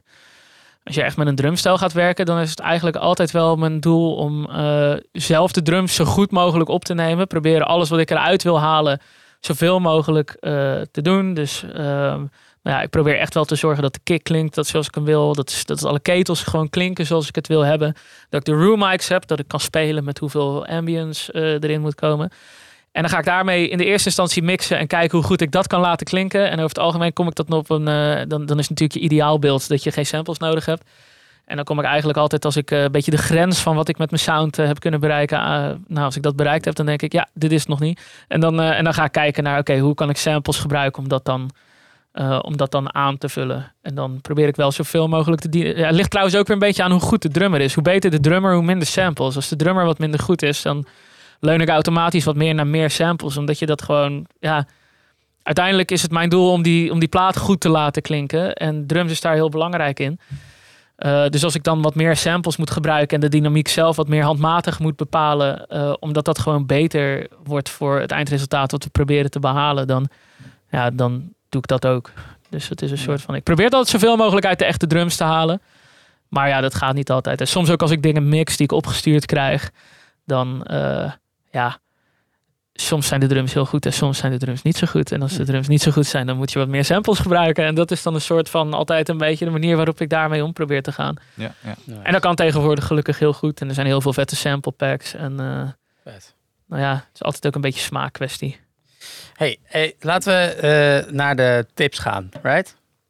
Want uh, nou, we zijn al een tijdje bezig, dus sowieso. En Sorry voor het lange lullen. Nee, hoor, nee. daar zijn we voor, toch? Ja, uh, dat is hartstikke goed. Maar um, we hebben altijd een paar uh, vragen die we iedereen stellen. Ja. En dat is wel grappig om te kijken hoe iedereen erop uh, antwoordt. Dus uh, ten eerste, ehm, er is altijd een beetje een ding geweest, ook een paar keer een poll gedaan waar mensen vooral tegenaan lopen. En ook als ze op de Facebookgroep Muzikanten Kletskoek aanmelden, dan vragen we altijd waar loop je tegenaan. En ik, ik zie dan die antwoorden allemaal, wij zien die antwoorden. En dan uh, uh, dat zit toch vaak van ja, gratis gigs. Toen het nog, hè, toen dat nog heel veel, dat dat heel veel, uh, moet ik dat doen? Ik, ik, ik, ik, dus ik loop tegen een drempel aan, weet je wel. Ja. wat, wat, wat vind jij? Gratis spelen of niet? Um, nee, ik denk het niet. Niet? Waarom niet? omdat je toch ook een soort van je markt in stand moet houden soort van op het moment hoe meer mensen gratis gaan spelen, uh, nou ja, hoe, hoe, hoe, meer werk je afpakt van mensen die, dat, die er wel geld voor willen hebben. Principe kwestie dus. Ja, principe kwestie. Ik vind ook niet dat het. Uh, vind ook niet dat muziek iets is wat als gratis ding of zo gezien moet worden. Zeker in deze tijd loop je daar natuurlijk al heel erg uh, tegenaan met alles wat er gecanceld wordt. En nou ja, nu dan dat hele gedoe met Chef Special en weet ik het wat. Het is gewoon, ik vind het heel belangrijk dat cultuur en muziek wel gewoon als een soort van onderdeel van de samenleving. Dat dat een onderdeel van de samenleving is waar wel wat tegenover mag staan. En dat het ook wel echt waarde heeft. En ik vind dat daar dan ook voor de muzikanten die dat dan doen, dat daar wat tegenover moet staan. Ja. Als je iets tegen jezelf kon zeggen tien jaar geleden, uh, wat, uh, wat zou je dan uh, jezelf als tip geven? Of wat zou je anders doen? Um, Oeh. Nou, ik weet niet of ik uh, heel veel per se anders zou doen. Maar ik denk dat ik wel tegen mezelf zou zeggen van heb iets meer, uh, heb gewoon iets meer vertrouwen. En uh, doe gewoon de dingen die goed voelen waar je achter staat. En dan komt het vanzelf. Zodra je, zolang je vette dingen doet waar je zelf achter staat, dingen die je wil blijven doen en die je uit wil bouwen en dat dan ook goed kan doen, dan komt er vanzelf meer van dat. Dus, dus probeer dat niet te overdenken. Right. We zullen terug in de tijd sturen en kijken of het aankomt. Ja, ja precies. Het zou mooi zijn. Wat is het, um, het, het, tofste advies wat jij, het beste advies wat jij ooit hebt gehad? Wat je wat nog heel bijstaat. En dat hoeft niet, misschien, misschien zitten er meerdere dingen op nummer één, maar doe er maar eentje van, zeg maar. Oeh. Het beste advies? Ja. Het hoeft niet eens muziek gerelateerd te zijn. Nee, um... Nou, ik denk. Um, nou, dan ga ik meteen met de titel van een boek gooien, denk ik. Oké. Okay. Prima. Master, Master, Your Mindset. Oké. Okay. Van? Uh, dat is uh, van Michael Pilacic. Uh, en dat is een boek waar ik veel aan heb gehad. Wat eigenlijk er gewoon over, over gaat van oké, okay, hoe, hoe werk je als mens? Hoe kan je met de manier waarop je denkt de dingen die je doet beïnvloeden? En dat, gaat, uh, en dat is niet positief denken als in van denk positief en dan komt het hele leven goed. Maar uh, meer van hoe kan je actief aan je mindset werken waardoor het in je favor werkt. Dus dat, het, ja, zodat je niet jezelf tegenwerkt. Werk jezelf niet tegen. Ja, ja, ja. Dus ik denk, denk, dat dat uh, is voor iedereen die de, de, het gevoel heeft dat hij dat doet. Master, master your mindset. Ja.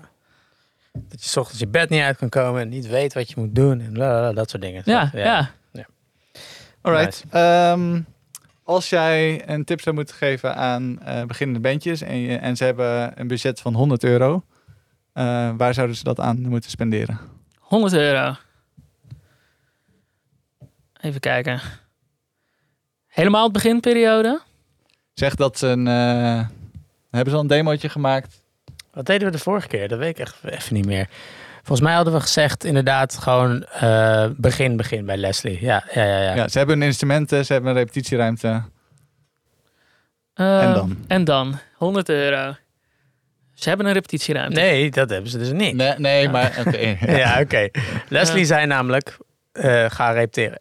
Ja, Eh, nou ja, laten we de band groeien. Let's go, laten we de band groeien. Dus Er is gerepeteerd. Er is gerepeteerd. er is gerepeteerd. Ja. Ehm, ik zou zeggen, ehm, laat de band het geld gebruiken om eh, benzine te betalen om naar co-rides te gaan. En met andere mensen ook te schrijven. Hm. Ik denk als je, als je twee keer heen en weer rijdt, ben je namelijk de 100 euro heen. als, je, als je pech hebt. Ja, dus, eh, ja. Maar heb je wel twee liedjes. Ja. Ja. Oké, dus, dus, dus ervaring opdoen met andere artiesten. ervaring opdoen met andere songwriters. En ik, ik denk toch dat de kern van bandjes, ik bedoel, samenspelen is leuk, maar eh, liedjes, eh, het liedje is alles bepalend. Dus nou ja, hoe meer je kan investeren in goede liedjes, Ja. dan, eh, dan komt de rest vanzelf. Right. Zelfde vraag. 1000 euro. 1000 euro. Ehm, zoek de meest toffe en creatieve mensen die eh, voor niet al te veel geld met jou vette dingen willen maken. Omdat ze in jou geloven en omdat ze het vet vinden en omdat ze zichzelf willen, eh, willen ontwikkelen. Dus ga niet met de producer samenwerken die 1000 euro voor een liedje vraagt. Ga met een producer werken die nog wil leren en die het voor 500 euro wil doen. En gebruik die andere 500 euro voor niet iemand die een videoclip van 1000 euro wil maken, maar iemand die gewoon een videoclip wil maken omdat hij dat vet vindt, die er gevoel voor heeft, die dat voor 500 euro voor je wil doen. Dus probeer eh, Mensen zoeken die in dezelfde situatie zitten als jezelf. als jij. Dus ga Ja. niet met een producer werken die op ja, als je het geld ervoor over hebt, is het prima. Maar als je vraagt van hoe kan je geld goed, goed inzetten, werk met mensen die ook nog willen groeien en die met je mee willen groeien en het dus voor weinig, voor minder geld ook hele vette dingen kunnen maken.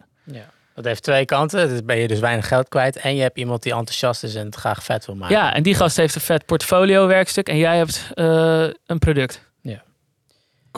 Dan eh, dezelfde vraag, 10.000 euro. 10.000 euro. En dat is dan ook de laatste van deze. hoor. Dan, gaan we, dan gaan we door. Miljoen, twee. Bitcoin. Ja, 10.000 euro, Ja. bitcoins. Nee, Ja. nee eh, duizend, wat, 10.000 euro?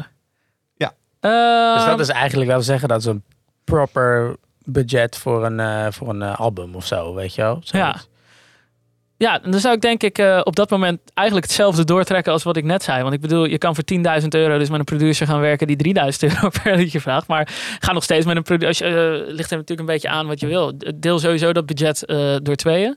Dus eh, je, hebt geen, eh, je hebt maar 5000 euro om je muziek op te nemen. Want je hebt nog 5000 euro no- nodig voor je marketing en eh, alles wat daarbij komt kijken. Dus je hebt eigenlijk maar 5000 euro voor je muziek. Zoek inderdaad dan iemand die het, eh, nou ja, misschien voor, eh, voor 1000 euro per liedje wil doen of minder. Eh, Hm. Ja, Ga co-writes doen met mensen. interessant.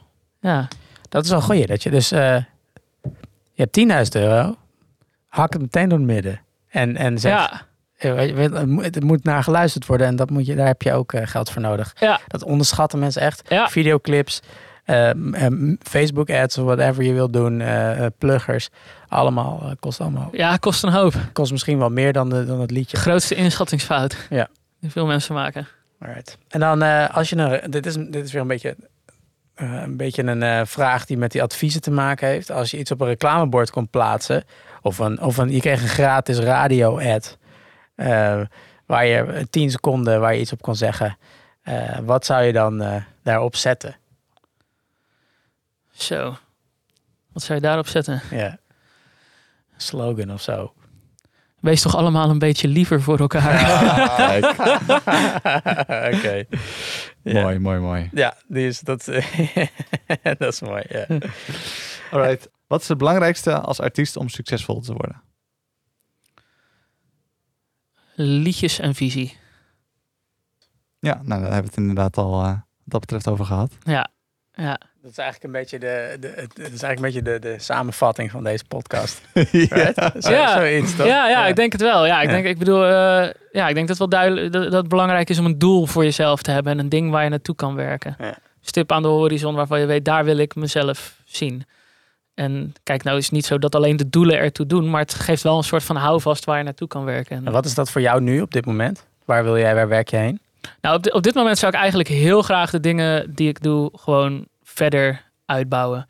Want ik ben eigenlijk best wel blij met de, met de dingen die ik doe. En ik denk ook niet dat ik alleen maar met de band bezig zou willen zijn. Ik denk ook niet dat ik alleen maar in de studio zou willen zitten. Maar als ik beide dingen gewoon net even naar dat stapje extra kan krijgen. Dus de, nou ja, met, met, met grotere artiesten werken. Zorgen dat de liedjes meer mensen bereiken. eh, aan grotere producties meewerken. Eh, nou ja, in mijn geval lijkt het me te gek om ook wat producties in Nashville te gaan doen met daar met wat mensen. Nou ja, daar wordt op het moment ook aan gewerkt. Dus dat zijn ook toffe dingen. Als ik dat uit kan bouwen, lijkt me te gek. En qua met de band lijkt het me gewoon super als we gewoon nog meer kunnen gaan spelen. Meer mensen kunnen bereiken. Verder over de landsgrenzen. En dan hoeft dat, als, dat zichzelf kiet speelt, is het wat mij part ook al in de eerste instantie goed. Kijk, het is natuurlijk helemaal mooi als je er meer geld aan over kan houden. Maar als je gewoon veel mooie plekken kan zien, met je maten op pad kan zijn. En dat financiert zichzelf, dat is een... eh, dat lijkt me een Mooi. heel cool eh, volgend eh, stapje. Ja, dus op dit moment verdien je toch nog wel het meeste geld met produceren, zeg maar, voor jezelf. Ja, 100%. En eigenlijk al het geld wat we met de band verdienen gaat direct ook weer terug naar de band. En nou ja, soms Ja. moeten we een beetje voor de dingen die we willen doen wat extra inleggen. Maar eh, nou ja, voorlopig, er is ook nog Sena, er is ook nog Buma. Ja. Er, er zijn nog, hoe heet het, investeringsfondsen en weet ik het wat. Dus je hoeft het echt niet alleen maar bij elkaar te spelen. Zullen we naar de demo's? Of- Of heb je nog een vraag? Ehm, ja, we hebben nog wat, eh, eh, wat aanraders. Oh ja. Ehm, is er een artiest eh, die jij vindt dat mensen moeten checken? Ja, ik denk, eh is voor mij een soort van hele, hele coole, eh, cool ding. Omdat het gewoon het eerste artiest is waardoor ik echt een beetje, dan in mijn geval op een beetje dat country spoor kwam. En dat was Keith Urban. En eh, ik zou hem aanraden omdat het eh, een mooi voorbeeld is van een artiest die gewoon zijn eigen visie achterna gaat. En die gewoon doet waar hij zin in heeft. Inmiddels noemen heel veel mensen het geen country meer. Ik kan het begrijpen. Als je zijn hele discografie gaat checken, dan zie je heel duidelijk dat het eh, heel Billy Honky Tonk begon. En dat het nu in een soort van pop sfeer met af en toe een banjootje of een dingetje. Maar als je die hele lijn ziet, dan zie je dat er zoveel kanten op gegaan wordt qua genres. En dat het een soort van eh, draait om de liedjes. En dat die jasjes daaraan bijdragen in veel verschillende vormen. Vet. Mr. Urban. Mr. Cool. Urban. Cool, ja, de rest hebben we eh, ondertussen al eh, besproken, dus die eh, slaan we lekker over. Dan kunnen we inderdaad eh, naar de demo's. Ja, demo's. Eh, normaal hebben we altijd even een klein eh introotje van eh, een artiest. Ehm, Dat hij even wat vertelt over het liedje. Dat hebben we nu niet. Misschien kunnen we later nog inplakken, weet ik niet. Eh, misschien, ja. ja. Dus eh, als jullie het horen, dan hebben we het wel. Eh, maar voor jou hebben we het niet, helaas. Dit is een liedje van ehm, David Stolk. David Sazias heet hij. En ehm, ja, ik ga hem gewoon even aanzetten. Wat we meestal doen Sowieso te gekke gitarist. Ja, ik, jij kent hem. Ja, Ja, ja, ja. ja, ja. Ik, ik ken hem ook. Hij is, hij is een hele goede vriend van mij. Maar eh, dat mag ik eigenlijk niet zeggen. Dat knippen we eruit. Knip me eruit. nee, nee, maar goed. Dus hij, heeft, hij is bezig met nieuwe liedjes. En ehm, ja, we, we, we zetten hem nu aan. En dan plakken we dat erin eh, in de edit. Super benieuwd.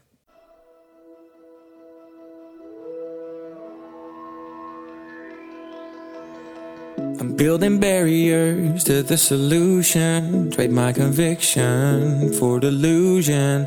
Now the consequences are my retribution. Cause all along I knew just what I was doing. How I thought I was right, then I knew all there. That I knew all there was to know. But now I'm in the right mind to tell you where I, tell you where I wanna go. See, I was drowning in a sea of possibilities. I didn't have a way to channel my abilities. My wings have grown, I'm big and strong, and it is taking more than enough time now. Now I'm ready to fly.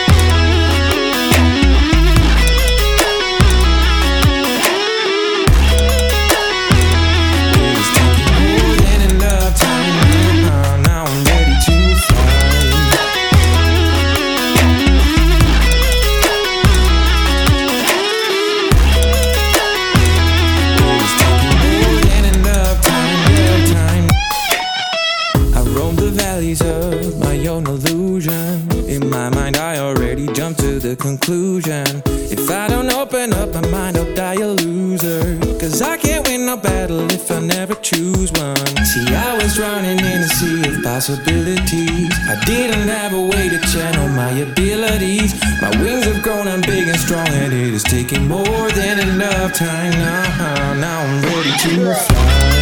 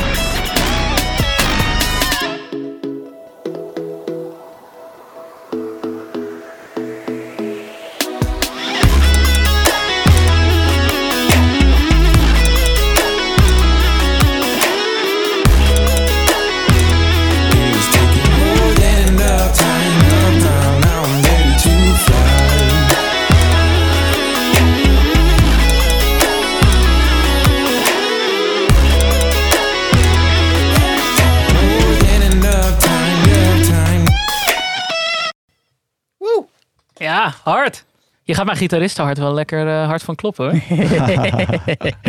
Ja. Heel vet. Is het de bedoeling dat ik hier nu iets van ga zeggen? Ja. Eh, ja. Ja, Ja. Ik, wow, ik vind het altijd moeilijk. Want een soort van... Ja, mijn, wat ik zeg is ook maar gewoon een mening. Ja, het is maar een mening. Het, Eh, het- het is ook, en het is ook een demo. Ja. Eh, eh, overigens vind ik het heel goed klinken voor een demo. ik wil maar, het zeggen. maar het is de demo. Het is, we noemen dit demoklets. Het Ja. zwaard van demoklets. Dus eh, Ja, ik vind, ik vind deze combi heel vet. Ik vind het heel cool dat je die, eh, nou ja, het moderne, het beat eh, gedeelte gewoon combineert met toch nog een beetje, nou, gewoon een beetje lekkere gitaren erin. Dus die combinatie vind ik sowieso heel cool. En ik, ik had hem nog nooit horen zingen. Dus dat, dat vind ik ook wel heel cool om dat eventjes te horen. Dus dat is ook wel... eh, dus ook qua, ook, ook, qua songwriting en qua, ehm, nou ja, qua hoe het float en dingen, melodieën. Ik vind het echt wel heel vet.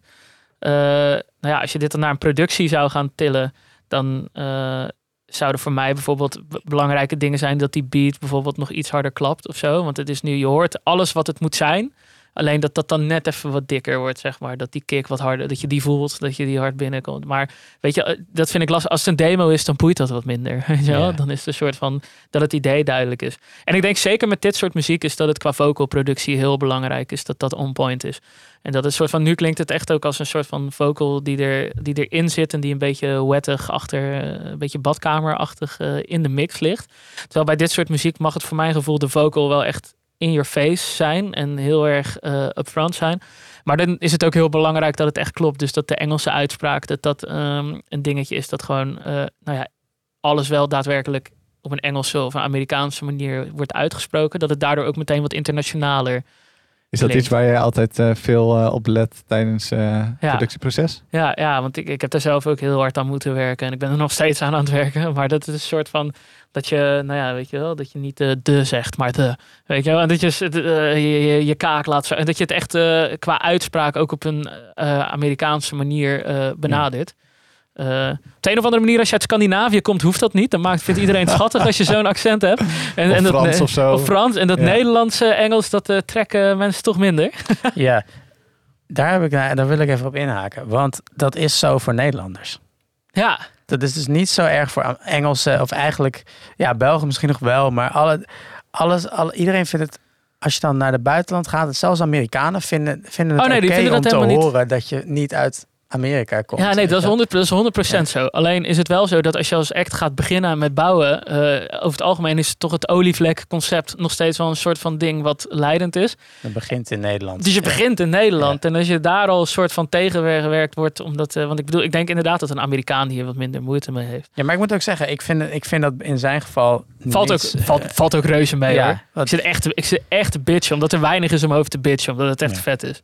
Ja, Dus ja, David, zeker. sick. Ja, ze- zeker. En eh, ik vind wel, ik vind nog wel dat ehm, als je toch even, even op de details ingaat van, eh, ik, ik vind dat de, de vocals die mogen iets beter getimed worden in de, in de edit. Soms vind ik dat hij een beetje voorin zit. Ja. Het kan wel lekker een beetje in die beat hangen, vind ik, van mijn smaak. Ehm, het zou ook gewoon zo prima zo kunnen. Ehm, Maar het is vaak inderdaad wel lekkerder als het iets luier is dan Ja. te vlot. ja, precies. Even kijken. Ik vind het fucking catchy hook. Wat ja, vind jij? nee, dat, eh, dat wilde ik ook wel zeggen. Ja, Eh, die, die blijft hangen. Blijft Ja. hangen, absoluut. Ja. Ja, die gitaar. ja. Lekker man. Ja. Heel chill. Ja, Ja, ik, ben, ik ben zelf altijd wel heel erg fan van hoe een bridge wordt aangepakt. En ehm, voor mij mag die nog net wat extremer of zo. Eh, Ja, dat maar- is ook een smaakdingetje natuurlijk, want je hebt vaak een bridge kan ook een breakdown zijn of iets dergelijks. Eh, wat daarna ook komt volgens mij. Maar eh, bij mij mag die echt gewoon nog harder eh, sl- slap in je face, zeg maar. eh. Ja, ja. ja, en dat heb ik zeg maar een beetje over het geheel. Zeg maar, dat, dat, Ja. ik, gewoon- dat, dat ik gewoon denk van, nou, ja, als je het geheel nog net even zo'n... Even een beetje aandikt en even een beetje aanvult. En, dan, dan, en dat die, in eh, alle, alle gewoon de, de kick, de snare, allemaal helemaal even heel goed aanpakken. Even ja, ook in de mix ja, naar voren brengen, dat soort dingen. ja, maar ik vind, ik bedoel, als dit de demo is, dan kan het alleen maar goed komen. Precies, ja, ik, ik weet het, eh, maar we zijn hier om, Kritiek of, om eh, opbouwende kritiek te geven. natuurlijk. Ja. Dus wat kan hij doen om het beter te krijgen? Ja, en dan zou ik zeggen, een strakke vocalproductie is alles. Ja. Dus ook als je, Ja. eh, ook als je dus zorgen dat je uitspraak klopt, zorgen dat, de, eh, de- dat de, de woorden qua timing echt zitten zoals je ze wil hebben. Dat die pocket, zoals ze dat dan noemen, dat dat, dat, dat klopt. Ja. Eh, en als je bijvoorbeeld zo'n refreintje aandikt met dubbels of weet ik het wat, zorg ook dat die strak, de, dat de S'jes, de T'tjes, eh, dat alles aligned zit, dat alle woordjes even lang zijn, dat er geen tunings, verschillen dan tussen zitten, weet je wel, dat het echt een strakke vocal in your face productie is die aan alle kanten klopt. Ja. Dat zou Kan David jou misschien eh, een, een, een appie sturen of zo, of een mailtje? Altijd, Ja? altijd. Nice, nou goed. Ehm, ja, ik heb, ik, ja, heb jij nog wat? Eh, het meeste is wel eh, genoemd volgens Ja, mij. hè? Ja, ik denk, eh, ja, dat waren wel mijn Vet. belangrijkste punten. Ik vind het vet. Cool, ik heb eh, nog een demo. Dit is een beetje een ding, want we hebben, we hebben weinig demo's, jongens. Jullie moeten ze even opsturen. Die zijn allemaal bang voor kritiek. Het is allemaal supergoed om kritiek te krijgen. Dat is echt waar je, hoe je groeit. Dat is echt een goed idee. Dus stuur je demo's naar ons toe. En dan eh, laten wij door een muziekpro eh, dit eh, nakijken. Maar dus, ik heb nu nog één track, maar die is van mij. Die is van mijzelf. Nice. Dus ik dacht doen. van ja, omdat we nu zo weinig dings hebben. Ja, Ik ben tegelijkertijd ook echt super benieuwd. Want ik ja. bedoel, kijk, Roads to Rome, dat, eh, dat kende ik. Ja. Maar, maar wij kenden elkaar nog niet. Nee, nee, nee. Dus, Dus ik ben ook wel heel benieuwd. Dit is ook een liedje wat nog niet uit is. Ik ben eh, net begonnen met het, eh, dit project, het heet Marth. En ja, dat is mijn producer, alter ego. eh. en eh, ja, dit samen met een rapper, die heet Tony T. Komt uit Amerika, eh, uit het zuiden van Amerika. En die woont al zeven jaar in Nijmegen. Dus dat is, eh, dat is echt dope. Eh, enjoy. Ik ben benieuwd. They be missing. Hey, hey. It's on the T they be missing. And you know I get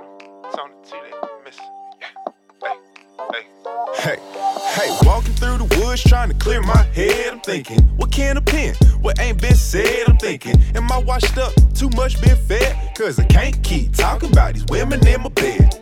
It's popping outside, but in my head I got some words. It's been a year and some change. Get back, I'm not with hers. I see them shawty sundressing, yeah, it's hard to pass. And yeah, for now, digitize how I get to class. Besides the whoring, yeah, I'm known for exploring. Sun tanning on the island with no face mask and born. Or maybe cross the universe with Marty a legend. And it's only positivity, the top dog is spreading. Ah. Bless, Bill, Armstrong. You know I high like thunder when your mom in the kitchen. She be chefing. Hey, or when your mom in the kitchen. And you know I high like thunder when your mom in the kitchen. She be chefing. Quarantine can't tell you been missing. And you know I high like thunder when your mom in the kitchen. She be chefing. Or when your mom in the kitchen. And you know I high like thunder when your mom in the kitchen. Tony T, we out, she getting it with your mom in the kitchen. In my gazelle. I be Tone TB flotsam like a feather. You see, but now I'm to myself just like a masturbator. Was handing in the club, I get there later. I made some memories up in my chair. I do, I do. Go round a thousand people, do not dare. No, no, no, no. But can you blame a little shower time? And I ain't putting on out all year. Little shower to rhyme. Still be at the way I Pluto, never shower with the swishes. Get back too soon, it be too big for your britches.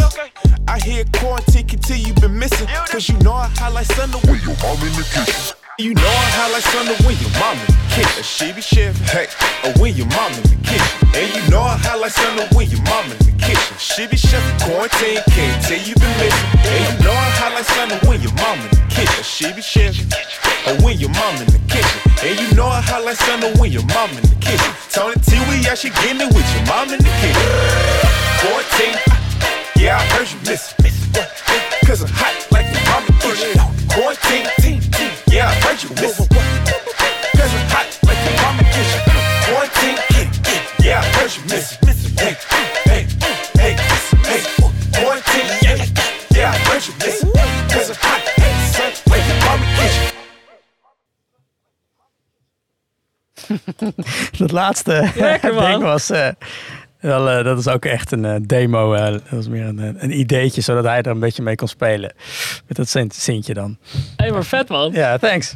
Goeie shit. Ja. Hey, ehm, ik moet, dat is het eerste wat ik even moet checken.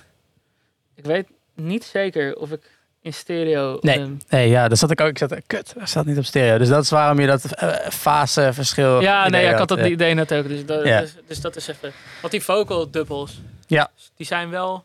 Die zijn, ge- ja, ja, er zit eentje in het midden.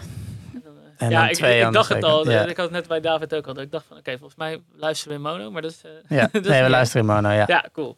Nee, dan ga ik daar niks over zeggen. Oké, ja, chill. Oh, sorry. Ik moet in de mic praten. hey, vet man. Ja, ik vind het altijd heel moeilijk om hier wat over te zeggen. Want zeker met rappen. Ik heb daar zo... Dat is echt zo'n compleet buitenaardse wereld voor mij. Maar ik vind wel, ik vind het wel heel vet. Ehm, wat ik denk dat heel cool kan zijn bij dit. Ik weet niet hoe, eh, hoe hard ga jij op je compressie, op je vocals? Ehm,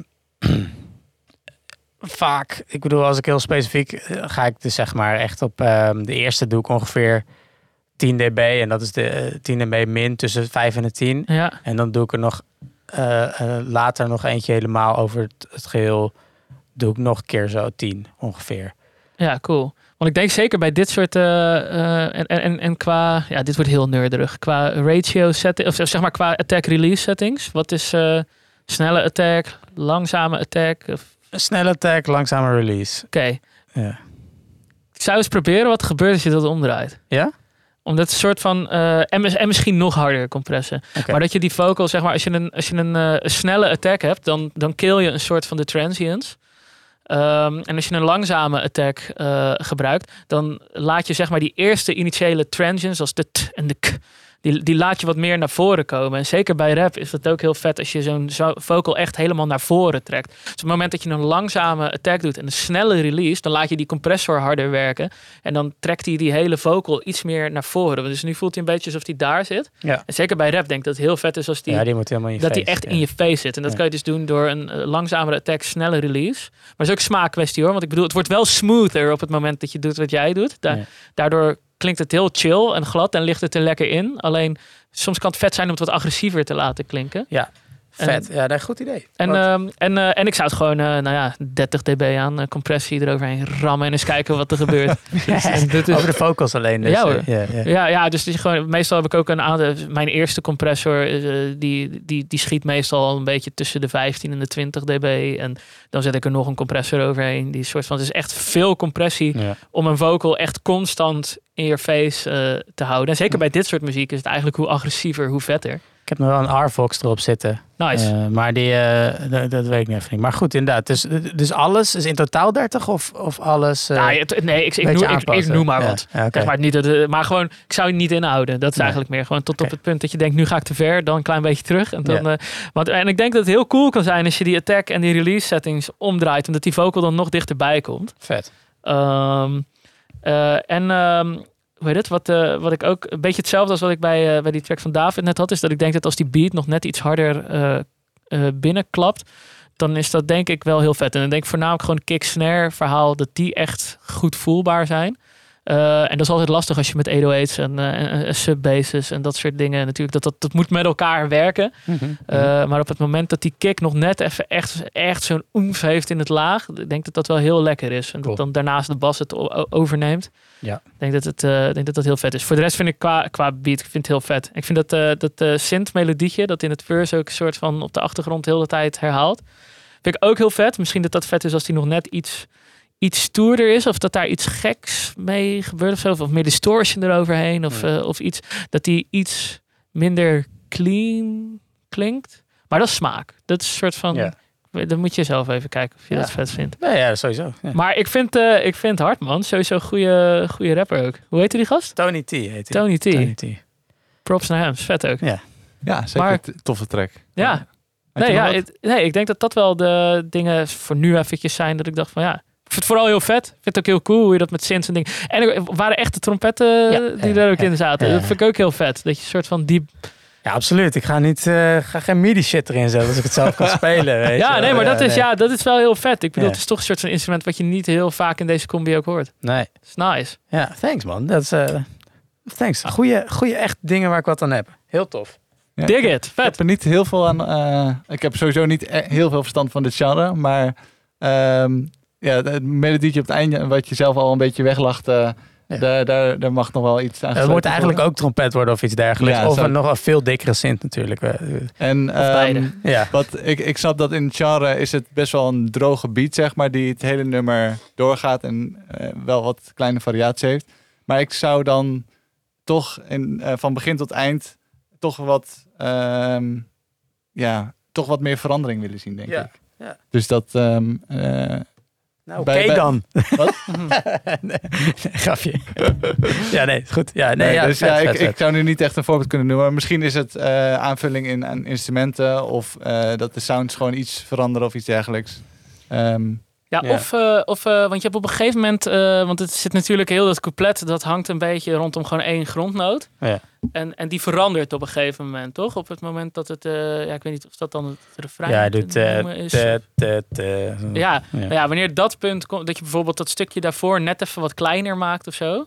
Mhm. Dat je, eh, wanneer- het begint en dat wanneer dat stuk dan komt waar die van, echt, eh, van die pedal basnoot afgaat, dat je hem daar echt erin laat klappen en hem groter, breder maakt. ja. Dat je daar een soort van echt heel duidelijk dynamisch verschil in maakt. Zowel in eh, hardheid als in hoeveelheid laag en hoog, als in hoe breed alles. Dat je daar een soort van, op het moment dat dat stuk erin klapt, dat die, dat die mix dieper wordt, breder wordt, harder wordt. Dat het een soort van op alle manieren... Ik denk dat dat heel cool, eh, een heel cool effect kan geven. Dus dat is een soort van lastig iets, want dan moet je dus terug in je verse. Dan moet je...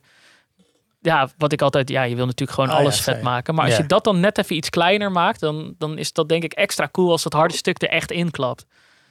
Vet. Dus bijvoorbeeld dat stuk als wat ik zei met die kick en die snare. Weet je, stel je doet dat dus niet zo heel erg aandikken in de verse. Maar wel wanneer dat refrein erin, eh, erin klapt, dan komt dat extra lekker binnen. Dan wordt het echt zo'n momentje dat iedereen zit te wachten totdat dat komt. Ah ja, oké. Ik denk dat dat wel heel cool kan zijn. Maar, wederom smaak. Nice, nice. Ik denk dat we dan wel eh richting Zitten het we erop? zijn, hè? Democlets, eh, het zwaard van Democlets zit erop. Ehm, nou, ik denk dat wij echt... Dit is echt een super toffe podcast. Wederom eh, bedankt dat je hier bent. Ja, thanks eh, dat ik mocht komen. Ik vond, eh, ik vond het gezellig. Ja, ja. Ja, zeker. je zeker. bent altijd welkom. Dus eh, tot de volgende keer. Tot de Laten we dat maar volgende. zeggen. Tot de volgende.